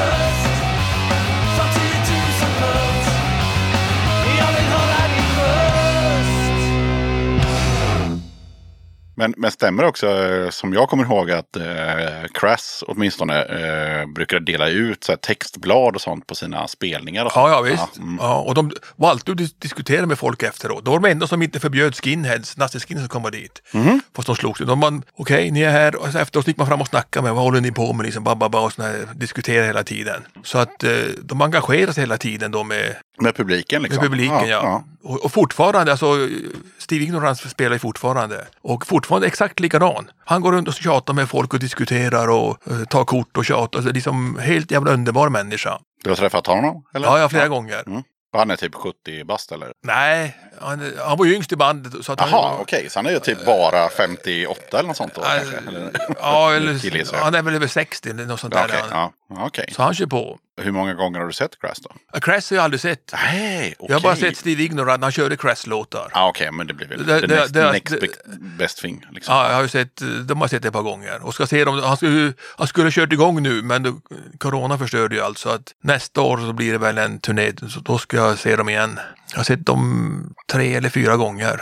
Steve Ignorant. Det var som jag blev imponerad av, eh, var det något år sedan när jag gick in och kollade på eh, hur det går för Charlie Harper. Han är också en gammal punkare. Ja, ja, ja, ja, ja. Han är väl, nu är han väl 70? Ja, det Han tror är, jag. ju- han är Ja, ja, 76. Oj, så jävla Ja, visst. Ja, ja. Alltså, gick jag in och kollade liksom på, på deras hemsida och då var det, eh, ja, det här var typ förra hösten. Då, då hade de liksom planerat hela, eh, ja, nu blir det ju ingenting med det på grund av corona, men då hade de ju liksom redan i augusti, september någonting, så hade de planerat liksom hela våren 2020. Det, det är band som spelar, tror jag mest spelningar per år. Ja, Alltså det är helt otroligt. Ja, jag, jag har sett dem tre, fyra gånger och han är ju, ja, jag vet inte fan alltså, men eh, han håller ju. Ja visst, ah, helt en, och vilken människa också. Han är liksom helt underbar. Så jag har sett dem kanske, jag vet inte fan, 15 gånger kanske. Okej, jag kanske har sett dem tre gånger, men ändå. Nej, Jag hörde stories om honom han var ute och spelat och så hotellet var fullbokat. Äh, det spelar fan ingen- Han sov i bilen och sådana grejer då liksom. Det spelar ingen roll. Han är fan committed måste man nog säga. Ja, Ja. det, det är punkarnas punkare. Ja, och där är det väl också lite det här att han kan ju inget annat. Alltså han har ju liksom inga i, alltså, ambitioner på att göra någonting annat. Eller för nu är han ju 70. Men jag tror att han kände likadant när han var 50. Liksom, att men det är det här Ja, ja, jag ja. kan och ja. det här det här. Han lever för det, Mm, mm. Utan tvekan. Sen så gjorde jag lite, eh, lite research om eh, dagens gäst Rogers eh, närområde. För det fanns ju liksom ingenting att, att hitta om, om, om, om din punkkarriär och om det här bandet. Vad, vad jag kan hitta då. Så då tänkte jag att du skulle få bemöta följande fakta om eh, området där du bor. Vad röstar man mest på i ditt område? Tippat är Moderaterna. Nej. Okej. SD? Nej. Ja, då vet jag fan. Kristdemokraterna. Va? Eh, 28 procent eh, fler röster än riksgenomsnittet. Och det är inte Lindom utan det är ditt valdistrikt där du bor. Fy fan, jag trodde det var, trodde det var Moderater. Nej, ja, de har också många röster men, Ja. men, men eh, KD ligger högst. Det måste vara något nytt för jag tror att Moderaterna har varit störst alltid där. Ja, ah, okej. Ja, ja. Det var ju några år sedan det var val också. Jag röstar inte ihåg. så jag skiter i vilket. Ja, nej, så kan, så kan man ju också göra. Eh, sossarna är faktiskt störst. De har ju 23,9. Och en annan rolig observation om man jämför med resten av Göteborg är att Ford, Honda och Mazda är de mest populära bilarna. Och då tänker jag att Göteborg, då brukar det vara att Volvo. Volvo, är Men att, att Honda kommer in i ditt närområde, men så ser det ut. Mazda visste jag, för det, det finns faktiskt ett par Mazda runt omkring där jag bor. Det är så? Ja, Ja, men jag kör Merca. Det du kör Merca. tysk, kval, tysk kvalitet. Ja, lite fördomsfullt så åker det också Merca enligt mig. För att typ alla jag känner som är från eh, ja, norra delen av Sverige. Eh, de, de kör ju, antingen kör de Merca eller så vill de ha en Merca. Ja, jag kör Merca. Och diesel. Nej, Nej, okej. En Okej, det gick det hål på en fördom i alla fall. Ja. För det ska vara Merca diesel. ja, nej det ska vara... Det, ska vara eh, nej, det spelar ingen roll, men Nej, jag har alltid kört bensinare så att... men det verkar finnas någon förkärlek för, för Mercor i, i, i Nej, norra alltså jag, jag tog körkort jag var jävlig. Jag var 30 bast när jag tog körkort. Mm. Jag hatar att köra bil egentligen. Mhm. Men så tänkte jag, när fan ska jag köra bil ska jag ha en bil som man kan sitta jävligt gott i och eh, ja, bra stereo så man kan lyssna på musik. För jag lyssnar hela tiden på musik i bilen. Så att, eh, Ja, det är Ja. viktigt då. det är viktigt. Ja. Så att, eh, och så lite för att reta folk också då. Framförallt eh, inom punken då. Eh, Köra Merca när man är punkare, det, Ja. det är aj, aj, aj, aj. Och det gillar jag.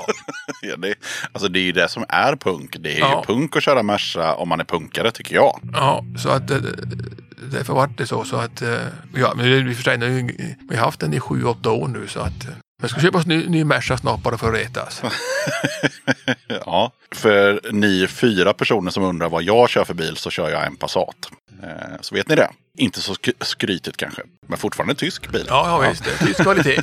Tysk kvalitet, ja, men den är jätte, jättebra. Eh, Jag har en eh, Passat kombi och jag har inga barn och ingen familj. Utan jag bara tycker att det är bra att ha en kombi så att jag kan slänga i Ja, saker. den. min, min nästa bil blir en kombi. Eh, Man behöver när man har hus så att... eh, Ja, jag bara tycker att det, det, ingen roll. Ja, ja. Det, man kan ha vilken jävla bil man vill. Men en, en, jag, jag, jag gillar att du har en Merca och delvis för att, för att provocera. Sen så har du den givetvis främst för att du tycker att det är en bra bil såklart. Ja, den, den är jävligt, den är jävligt god att köra. Alltså, det är ju, visst fan, det är ju... Vilka är de viktigaste personerna i ditt liv nu och då? Då, ja, det är ju jävligt svårt, men eh, levande pers eller personer som jag har träffat. Eller som kanske har gjort det intryck på det ditt liv från då Utan tvekan så är det ju eh, Gunnar Eriksson och eh, Nisse Lätt. det är de som eh, har betytt jävligt mycket för mig politiskt då. Och, och vilket är det största? Kan du dra lite snabbt vilka de var eftersom det var ett tag sedan vi nämnde dem? Gunnar Eriksson är alltså känd syndikalist och han var ju han, han var eh, SACs generalsekreterare. Känd syndikalist och Nisse Lätt som var eh, känd anarkist eh, från Göteborg. Hon var med, med i spanska revolutionen och skrivit eh, en del böcker och såna här grejer som är intressanta att läsa. Så det är de två som jag vill påstå har betytt mest för mig. Och det är klart, farsan på sitt sätt också då som, Ja. som drog in mig i politiken också då. Självfallet. Men eh, ja, det, det är ju farsan så att eh, man, man blir ju alltid påverkad. Men Han var, han, var, han var ju genuin, alltså gammal kommunist som verkligen trodde på att socialism och broderskap och allt det här, att fan var det jävligt viktigt. Så jag förstod kanske inte, inte då att, att eh, det han trodde på var förtryck egentligen då. Men blev han besviken då? För att han väl en... Ja, jag, jag, jag tror, alltså det var två saker som, dels var ju farsan, han var ju dessutom den gamla stammen av kommunism och sa det här, man, ska- man ska alltid, man ska göra lumpen och, och, och sådana här saker. Jag var vapenvägrare, eller totalvägrare och farsan höll på att gå i taket i början. Ja, det är klart. Ja, och min äldre bror han var gränsjägare så bägge var ju liksom och farsan var dessutom elitskytt så han var ju liksom eh, hade vunnit tävlingar i, i världsskytte och grejer i, i lumpen då. Och så här och så kom jag totalväg så det var ju lite dålig stämning kan man säga ett tag där. Men så eh, jag hade en bok som hette Att vägra leva på knä som handlade om eh, värnplikten då. Som jag, jag gav till farsan så jag läste den här boken. Och han läste den. Jag läste jävligt mycket farsan. Så att, eh, och då när jag åkte in då första gången och skulle in och göra mönstringen då. Så sa jag ah, fy fan du blir kvar där. Jag, liksom, ja, sådär. Men jag gick ju dit och totalvägrade och bara om att dra åt helvete. Och, och, det är ju två dagar då så att jag kom hem samma dag. Och farsan visste ju ingenting utan jag klev av tåget och där står farsan. Jag Tittade, vad fan gör du här? Ja, jag visste du skulle komma tillbaka sa han. Och då hade han vänt. Och så sa han till mig att hade jag vetat det jag vet idag hade jag aldrig gjort lumpen sa han. Ja, det där är stort. Ja det är jävligt Det är stort. väldigt stort. För nu, måste, vi liksom, nu måste vi tänka på liksom att Rogers pappa, när kan han ha varit född? Eller det vet ju du exakt. Ja, Nej, okej, ta- men vilket tal i alla fall. 30-talet Ja, är det ju då. exakt. Och en, att en gubbe från 30-talet läser en bok på sin sons inrådan och faktiskt eh, omvärderar sina värderingar. Det måste ju vara Ja, typ han, unikt. han, han omvärderade även kommunismen då. För den boken som jag berättade om, han, eh, George Woodcocks bok med anarkismen, den läste han. Och eh, även han började erkänna att fan, det, det kanske inte var ett paradis det här med, med Ryssland och eller Sovjetunionen och kommunistländerna. Att det kanske inte var helt bra. kanske inte var helt bra. Jag brukar säga att klösmärkena, de, de var ju på insidan. Alla var ju ut därifrån. Det måste bero på någonting. Så att, eh, nej, även där hade han ändrat sig. Det är jävligt starkt. Alltså liksom, hur gammal han var då? 50-årsåldern eller vad han kunde ha varit? Ja, ja, 45 ja. och ändra sig liksom och säga vad fan det här var inte så jävla vettigt. Nej, för det är bara att se till dig själv. Hur stor, hur stor chans är det att du själv skulle ändra dig nu i, i någon politisk fråga liksom? Nej, politiska frågor kan jag ändra mig men politisk inriktning är ju svårt. Jag har, ju- jag har ju en stor debatt med min son som, som är precis tvärt emot vad jag är. Såklart. Ja, ja. Eh, och säkert kanske därför också, det vet jag inte. Men eh, Delvis är det ju därför, såklart. han, han, han är ju högerextrem då. Mhm. Så att eh, vi har ju våra debatter kan man ju säga. Och det går sådär. Mm. Det är skyttegravar bara så att eh, vi kommer ju ingenstans. Oj, det måste vara jättejobbigt för dig. Ja, det jag. var, alltså, när jag fick reda på detta för ett par år sedan så det var ett basebollträ i nacken alltså. Ja, Jag hade ingen, ingen susning om att han hade sådana åsikter. ja, Nu har jag gått ur NMR i alla fall så att det är ett steg i rätt riktning men ja, jo. Men- men- det är en bit kvar. det är en bit kvar. Så vi får se vad fan som händer där men eh, Det kommer jag faktiskt ihåg när jag, när jag var liten, om vi ska göra en snabb paus här, så eh, min mamma var, eller hon är, hon lever fortfarande, hon, eh, hon var ju liksom vänster, eller är vänster. Och när jag var 14, 15 eller 13 kanske, eller något sånt där, jag kommer ihåg, inte så gammal i alla fall.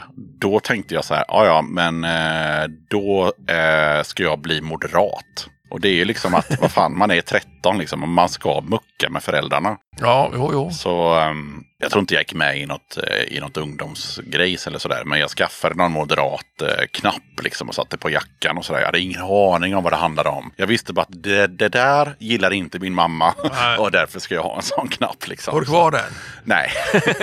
Nej. Sen så gick jag faktiskt med i SSU och, ehm, och senare i, i, i vänster. Men när jag var 14 någonting så här, då, då gick jag med i SSU. Och det jag kommer ihåg mest från den tiden var att jag vann en teckningstävling. Jag fick 500 kronor och för att jag hade ritat en, en, en bild som var med på baksidan av SSUs eh, eh, så här, tidning som de hade. Med eh, Carl Bildt och Ingvar Carlsson som satt i en eh, sandlåda. Det tycker jag ändå är rätt coolt av mig själv att jag gjorde det när jag var 14. Och så skrev jag liksom att så här, men det är sandlådenivå på era diskussioner eller något sånt där då. Så satt de i en sandlåda så hade jag målat den. Likadant fortfarande. Ja. Har bytt ut de där jävla gubbarna till andra ja. marionetter. Ja, jag har inte ens koll på, på, på politiker idag så jag, jag orkar faktiskt inte. Men på den tiden då hade jag full koll på gänget. Har du någon koll på dagens politik? Ja, och, eh, någorlunda. Men jag, man blir jävligt depresserad alltså. Det, var- fy fan, det är fruktansvärt vilka...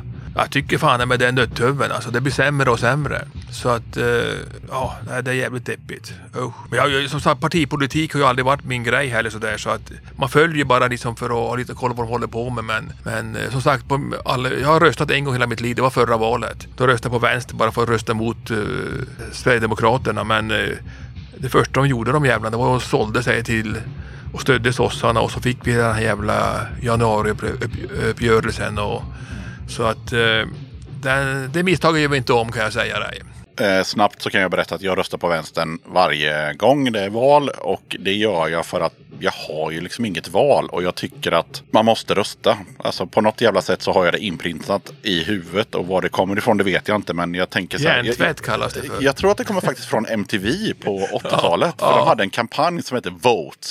Så här, man, man, alltså, man ska vara glad och tacksam över att man lever i ett land där man får rösta. För det är många länder där man inte ens får det. Och då tänker jag så här att okej, men då får man det. Men jag tycker inte att I och för något... sig riktigt men samtidigt så, så behåller man ju ett, eh, ett system som man eh, som, som, som går ut på att eh, Ja, hela den här pyramiden som du pratade om innan. och, och Ja. passivera folket. Det är det som är grejen. Du ska ju passivisera folket. Ja. Jag menar, det är klart som fan de sitter där och har det rätt bra. Men samtidigt, jag tänker så här, vad fan ska... Alltså, ja, den, vi, vi kan ju inte fastna i det, för då skulle vi kunna sitta här i flera timmar. Men, men eh, på något sätt så tycker jag ändå att man ska vara glad över att man får rösta. Men samtidigt så har man inga bra ah, alternativ egentligen. Utan det blir ju Nej, liksom... men, alltså ett parlamentariskt alternativ spelar ingen roll om det är höger eller vänster eller vad det är för något. De, det är bara att se historiskt sett så visst, när vi låg i botten Sverige och vi fick sossarna och och de lyfte Sverige, det, det är inget snack om saken. Men, men titta nu hur det är, det är liksom, de har ju sålt sig fullständigt och i, i alla länder likadant. De rika blir rikare, de fattiga blir fattigare, fortare och långsammare beroende på vilken regering du har. Men de blir fortfarande, så att det är ju det som är det tragiska. Och så länge vi som vi går som en jävla fårskock och röstar vart fjärde år och inbillar oss att vi gör någon skillnad. Det enda vi gör det är att vi ger dem en legitimitet att fortsätta med den skiten. Tyvärr. Vi måste liksom på något sätt börja tänka själva och ta ansvar för våra egna liv. Ja, och sen är det ju också så här att alltid när man tittar på historien så är det alltid så här typ att om du är sosse eller om du är moderat eller vad det nu kan vara. Så ska du alltid så här visa på att men kolla vad dåligt det gick när de hade Ja, de ja, här ja. fyra åren, Ja. 76. Och kolla vad bra det gick när vi hade de här åren, 89, whatever. Liksom det är så här, ja. fast det är kanske inte alltid att det är de här personerna i regeringen som gjorde att det gick så jävla bra eller dåligt. Utan det Nej, finns precis. ju andra aspekter eh, och vägar. Konjunkturen har en stor del med också. Men okej, eh, eh, farsan, viktig, de här eh, andra snubbarna, eh, syndikalister och anarkister, viktiga. Vem, vem är viktig eh, för Roger idag, 2020? Den är värre. Kanske Roger själv? Nej. Nej, okej.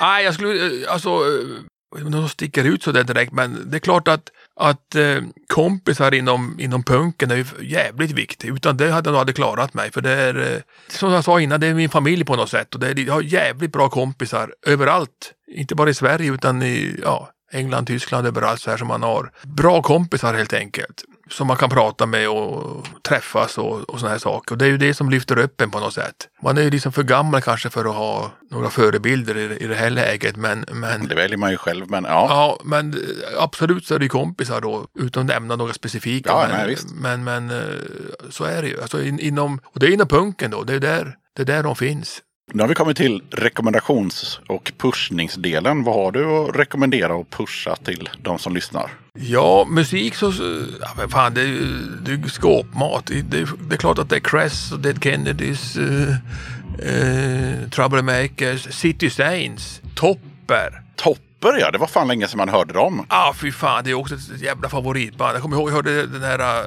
Once a punk, always a punk. Nu säger vi det i kör. Ja, du vet. Ja, det är en bra låt. Jävlar. Det Ja. måste jag bara berätta en story. Jag var på Sweden Rock tidigt 80-tal. Och vi åkte in till Karlshamn för att käka frukost. För att komma bort från jävla eh, tält och grejer. Och så, så hade vi radion på, på bilen där och så helt plötsligt kommer det en låt. Once a punk, always a punk. Det var fan. Jag var helt säker på att det var ett... På något sätt fick jag för mig att det var ett band från Irland. Jaha. Kanske bara för att de på något sätt lät som uh, Stiff Little Fingers. Jag hade lite den känslan. Och så gick det väl ett tag och så, jag vet inte hur jag fick tag på det via nätet på något sätt. Och det var ett svenskt band, det var i helvetes jävlar. Sen långt efter så spelade de i Göteborg. Och eh, jag fick se dem då så att, eh, nej fy fan. Det, så jag har följt dem många gånger. Jag var, såg dem nu i februari. Jaha. Ja. Eh, de spelar på... Vad fan var det någonstans nu? Ja, skitsamma. Och I alla fall, det var en jävligt bra spelning och på något sätt hamnade jag på scenen och var med och sjöng just den låten också. Så Åh fan. Ja. eller sjöng och sjöng, Ja, ja. kraxade i alla fall. Ja, ja, ja. Det var andra gången jag sjöng med det, just med den då. Jag tycker det är så jävla bra låt så att det är svårt att... Den har ju några år på nacken va? Ja, jag tror den kom 70, nej, 99. ja, ja, det känns... Ja. Den är, en gammal klass. Jag, jag hörde kanske att 82 eller sånt där hörde jag den första gången. ja. Så att det var, nej fy fan, det är toppen. Och, och samma sak där. Underbara killar, fan det Men då är han göteborgare han som är från sångare där också.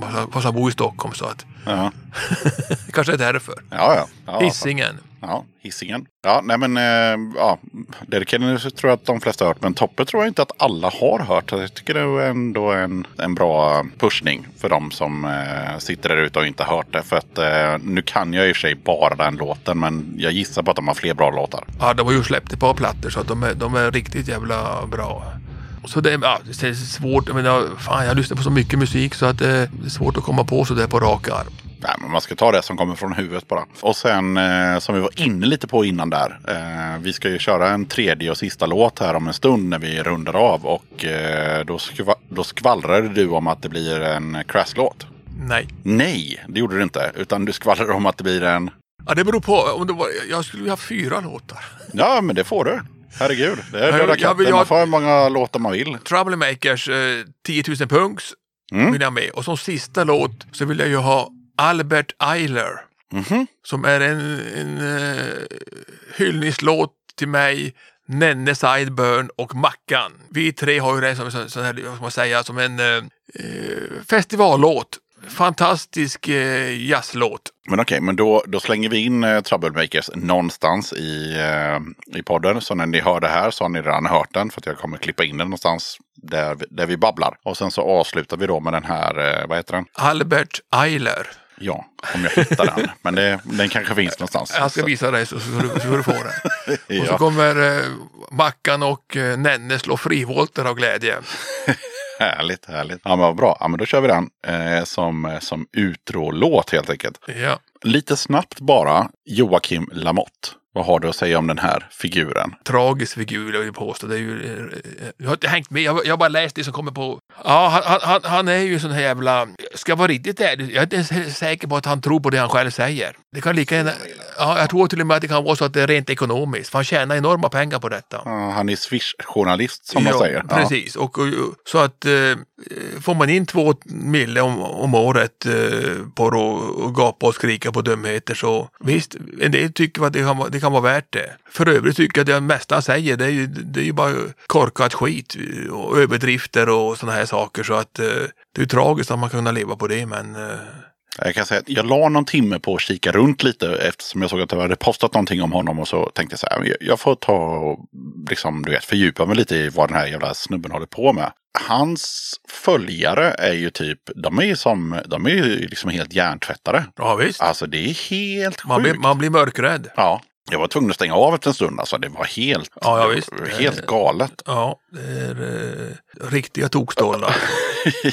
ja, och sen eh, nu när vi spelar in det här så var det tydligen så att eh, han var ju med i Robert Aschbergs eh, Trolljägarna. Ja, just det. Och då hade han ju något långt, alltså jag läste hela men det var långt, ett långt försvarstal om hur jävla grym han är och hur jävla sopig Robert Aschberg är och, Ja, ja. och, och så vidare och så vidare. Det var helt... Och sen så spårade jag vidare och in på Flashback och sådär. Så att, eh, Ja, men det är ju, ja, det är ju, det är ju en... Eh, antingen så har jag ju riktigt tokstolle eller så gör jag det för pengarna. Ja, det, det känns mycket som pengarna för att varje inlägg eh, har en sån här, eh, vad heter det? Swish. Swish. Eh, Ja. Och även när han svarar så har han så här pin, pinnat eller vad det nu heter. Så Ja. att den hamnar hö, eh, högst upp hela tiden på alla kommentarer om, Ja. om att man ska swisha liksom. Och så. Ja, har man inga skrupler och, och, och vill tjäna pengar, det är ju det är bara att börja gapa och skrika mot invandrare och eh, feminister och homosexuella. Så visst, du tjänar pengar. Men alltså det som är komple komplext med honom är ju också att han lyfter upp saker som är skit på riktigt. Ja. Eh, som alla håller med om att det här är ju skit liksom. Ja.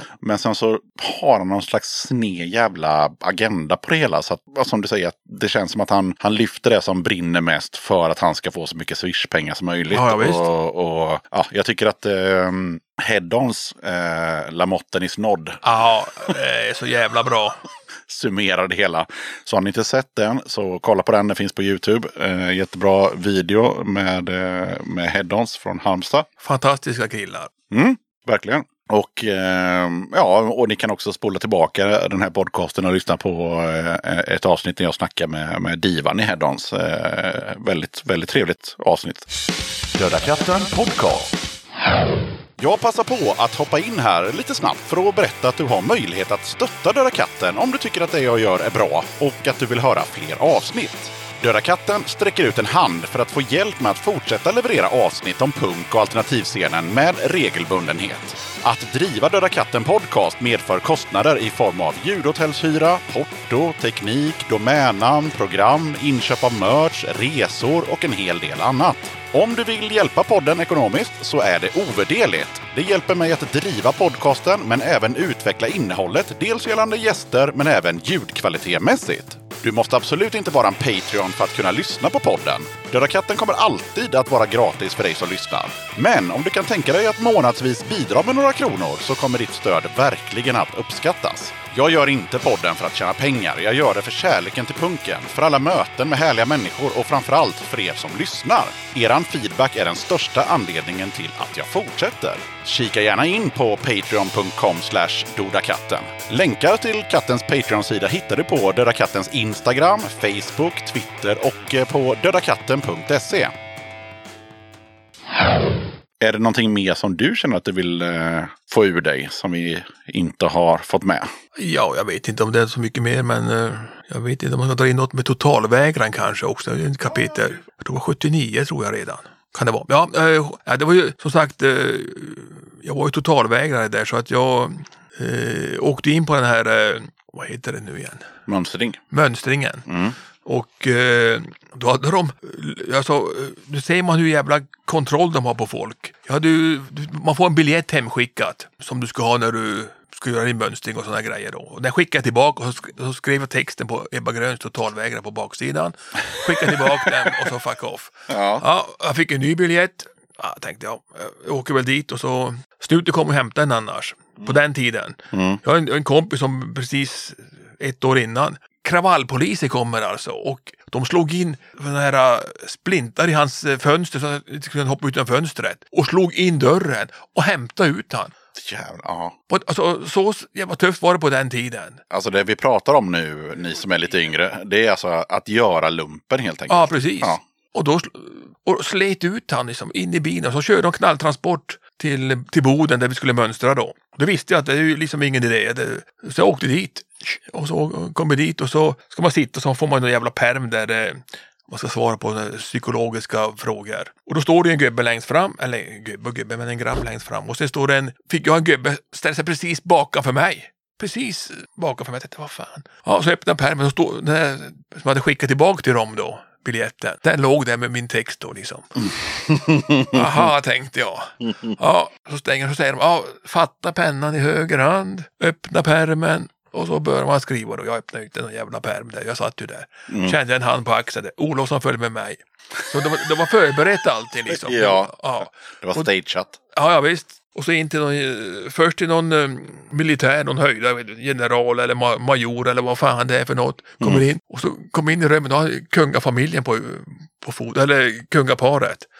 Och ah, men fy fan, de där jävla socialfallen sa jag. Åh helvete, han blev helt skog, skogstokig. Jag tänkte han skjuter mig gubben alltså. alltså han blev helt jävla galen. Alltså, a- a- alltså all, jag tänkte att han, han klappade till mig. Alltså han blev riktigt Han blev provocerad på riktigt. Ja, han blev provos- Det var liksom hans, det var hans liv för fan. Militär och stå i vakt och salut till eh, kungahuset. Så att han släppte ut mig därifrån och så, ja, du får komma och hänga med här så får du, vad heter det, ja, psykolog som jag träffade tror jag det var. Mm.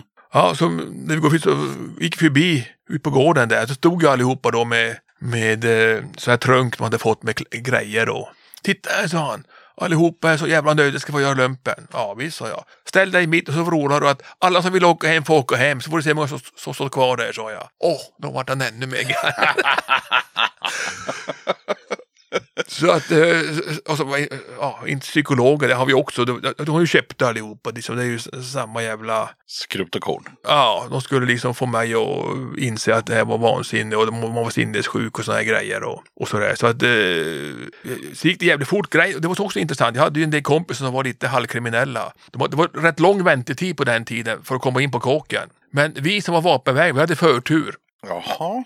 För att vi var ju eh, stor fara för samhället medan de som hade misshandlat folk och rånat och sådana här saker, de var inte lika farliga. Så jag, han hade ju eh, inbrott och en grov misshandel hade han. Han fick vänta eh, ett år. Mhm. För mig tog det två månader så var jag, skulle in på kåken. Och eh, jag kommer in dit och så, så jag fick sitta en månad. Och efteråt så skulle man, man kom ut, på den tiden var det så att man kom ut från fängelse så fick man, ingen fick gå ut i arbetslöshet, sa de. Utan man fick träffa en arbetsförmedlare och sådana grejer. Och då hade jag varit på sådana kurs innan då med någon, eh, om man var arbetslös så skulle man eh, gå några kurser och det, vad det nu var för något man skulle, ja. Så mitt i den här kursen så fick jag åka gick jag på en syndikalistisk ungdomskonferens. Och eh, det intressanta var, så sa han, den här killen som höll i det här då, han sa att allt som, som sägs här stannar här. Det är hemligt alltihopa, sa han. Så jag berättade, jag ska på en syndikalistisk ungdomskonferens och vi ska prata om, ja, vad, vad är det för något? Så han, ja, vi ska prata om revolution och Jaha. Och när jag kommer in på den här sen, eh, jag sitter på kåken och ska träffa den här arbetsförmedlaren så sa han, jaha, du har varit på syndikalistisk konferens här, bla, bla, bla, och rabblade upp exakt. Jag sa, hur fan vet du det? Ja, det fick jag från den snubben. Det var, Mm, det som skulle vara hemligt ja. som var hemligt. Och så så alla andra, de fick liksom, ja men du, du får in på, så här, jag kommer inte ihåg vad de här jobben hette på den tiden, men du fick en sex månaders jobb och såna här grejer då. Ja, du kan fortsätta vara arbetslös, sa han, så la han pappret så. Jävlar. Så jag var den enda som inte fick hjälp ifrån Arbetsförmedlingen. Då var den enda som var obstinat och syndikalist och anarkist också. Så att, då ser man hur jävla, Mm. vilken koll de har. Så att, eh, ja, Men du fick göra en månad helt enkelt. Ja, för- första svängen, sen fick jag inkallelse direkt igen och så samma visa igen då. Och eh, då fick jag sitta, jag fick tre månader. Jävlar, alltså det, alltså, ni måste komma ihåg det här ni som lyssnar. Alltså det här är ju liksom Roger som, han vill, han vill inte göra lumpen bara. Idag är det bara så här, nej men gör inte det då. Nej. Men på den tiden var det liksom, det var... Det var Och, och, och grejen var att, att, att, att första eller andra gången så sa de rent ut åt mig, ja men du kan få frisedel. Mm. För det såg bättre ut på papper för dem att det var folk som hade fått fri, än att totalvägra. Det var Mm. inte politiskt korrekt på den tiden. Aldrig sa jag, jag tar ingen jävla frisedel. Här ska totalvägras. Och frisedel betyder Att du inte behöver göra lumpen. för att, Ja, vad som helst. Du kan ha ont i lilltån eller... ja, det, det, det var det bara det jag ville förtydliga. Att frisedel innebar att det var någonting fel med den här personen Ja. som gör att han inte kan göra eh, militärtjänstgöring. Medan totalvägran är att personen kan säkert absolut göra lumpen, men han vill inte. Nej, det var politiskt. eh, Precis. Jag vill inte bli en eh, kugge i deras krigsmaskineri. Nej. Så att det var... Så det, ja, man ser hur det var på den. Det var jävla intressant alltså att det var eh, Jag kan säga att jag mönstrade på, vad fan blir det då, tidigt 90-tal, 91 kanske. Och då var det fortfarande så att man hamnade på kåken om man, om man eh, inte ville göra det. Men däremot så kunde man ju eh, ansöka om vapenfri tjänst, som jag gjorde. Och sen så eh, hade regeringen inga pengar, så att, eller staten hade inga pengar. Så att den här eh, vapenfria tjänsten som brandman i Västervik, eller vad fan det var jag skulle göra, den eh, strök de helt enkelt. Ja, Jag var erbjuden att bli utbildad elektriker men jag sa nej i helvete. Nej. Så att, jag var envis och bitter. Ja. Jag, jag, sen hade jag dessutom så jag diskuterade med Olof Palme, jag, jag brevväxlade med honom. Jaha. Och liksom skällde, vad fan är det här för något? Det är politiskt, eh, man är politisk fånge för fan när man, nej tyckte han och så skrev man tillbaka då att eh, det var ett demokratiskt beslut taget. Jag vet inte om det var han som skrev det, han skrev under brevet i alla fall. Jag skrev tillbaka, det är ju inte alls det för att vi var ju tvingade till att och, och, eh, göra lumpen, för det var ju ett, ett vapen, en röst på den tiden. Ah. Så för att få allmän rösträtt så skulle man eh, även göra allmän värnplikt. Mm. Och det var ingen demokrati i det tyckte jag. Nej. Så, här, så höll vi på att brevväxla. Och till slut så fick jag brev till honom där han, sk- han skrev Vi har insett att du aldrig kommer göra värnplikten. så att eh, du kommer aldrig få några fler uh, inkallelser. Nej. Och det brevet har jag kvar. Ja. I, Olof Palmes... Fan vad, det är, det är stort ändå. Ja, det är jävligt stort. Det är jävligt stort alltså. Så att, eh, ja, det är fräckt. Så man har varit lite besvärlig på alla sätt och vis. Ja. Jag hade faktiskt en kompis som, eh, han, han gjorde en annan variant. Han, eh, han eh, mönstrade och blev placerad någonstans på någon regement heter det. Och han kom dit och tog på sig liksom de här kläderna och hela den grejen. Och sen typ dag två eller något sånt där så insåg han att men det här vill inte jag göra. Så att han gick väldigt mycket längre och sen så sa han bara att nej, jag drar hem nu. Och då, Ja, det är det. då var det någon snubbe som, han kom in till någon som du sa då, någon major, general, whatever. Och, och skulle berätta att han eh, drar hem nu. Och den här killen hade bara tagit en hand och bara vevat ner alla böcker eh, på sitt kontor, alltså från bokhyllan och bara gapat och skrikit så in i helvete då. Men det var inte för att han eh, skulle dra därifrån, utan det var för att han inte hade knackat. Ja, du vet, det är, det är sjuka människor de flesta av dem är. Jag kommer ihåg då jag gjorde in, andra inryckningen där då, så tänkte jag att jag hade fått ett skåp och grejer då, så mitt namn på skåpet, det som, jag skriver bara med, med papper då. Mm. Så alla hade ju fått sån här, vet, man får sån jävla märke man ska dra på jackan. Ja, Sån här clips med namnet på. Jag tänkte, fan det skulle vara kul att ha. ja. Och alla hade fått det där, så jag gick upp med mitt skåp och tittade. Det var blank, jag hade slagt dit det, så de visste att jag skulle totalvägra. Alltså, du har inte ens fått någon alltså, name tag helt Nej, enkelt? jag har inte fått den jävla... Jag tänkte fan det var kul att haft det som minne. Ja, ja. Det fick jag fan inte. För de visste den jävla grejen. Det blir också lite så här spel för galleriet. Att de bara säger, ja, men du har fått ett skåp men vi vet att du kommer inte göra det. ändå." Nej. Så att, ja. De hade bra koll på en. Ja, nej, men det är, det är fascinerande för dem som, som, som sagt var som är yngre. Än, eh, för, Ja, visst. För, för, som jag tror idag så bör man ju, man gör väl som man vill, tror jag. Ja. Nu killgissar jag, men jag tror inte man behöver göra lumpen om man inte vill. Nej, man nej. säger bara att man inte vill och så är det bra med det. Liksom. Ja. Ja. Då har vi ju väldigt lite kvar av den här podden, men vi har någonting väldigt viktigt kvar. Okej. Tävling. Tävling. Jajamän. Det är jag ju rusel på. Ja, Jag blir alltid sist. ja, nu är det ju bara du som tävlar så att... Ja, då eh, finns det chans att jag... ja, jag ska gå och hämta frågorna här. Det är eh, ja, två av tre ska du svara rätt på och så får du ett eh, pris. Mm. Mm. Då ska vi se. Och då valde Roger helt enkelt nöje och kultur. Vem skrev om agenten Karl som efter mer än tio års tystnad kom tillbaka i boken Madame Terror? Jan Guillou. Helt rätt. Då har du ett rätt då. Ska du fortsätta med nöje och kultur eller vill du Ja, vi kör du, det vi bara. kör det bara. Okej. Vilken eh, Stockholmstidning började ges ut 1830? Det var ett tag sedan. Det var ett tag sedan. Ja. Vilken? Stockholmstidning gavs ut redan 1830. Eller börjades ges ut då. Ja. Aftonbladet. ja, det är också helt jävla rätt. Det var Lars Johan Hjärta som eh, gav ut den tidningen 1830. Och där har du liksom vunnit redan. Vi, vi- ja, jag tänker vi, vi, vi tar en tredje fråga bara för att se vad som hade hänt. I vilken bilmodell färdas familjen Backlund i Kjell Sundvalls Vi hade i alla fall tur med vädret? Den här filmen alltså. Vi hade i alla fall tur med vädret. Vad åker de i för bil?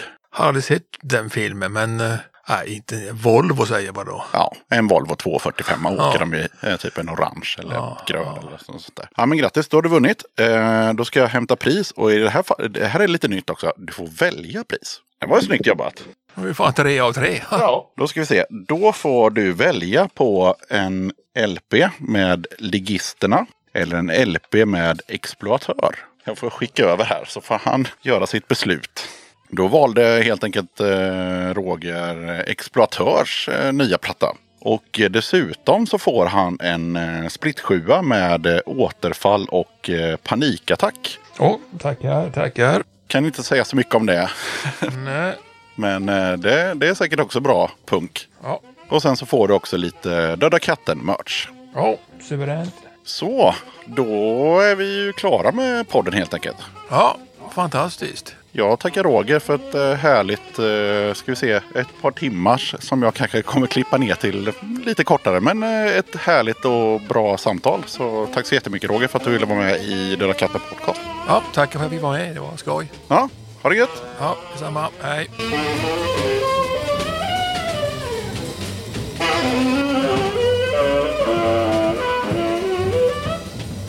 Thank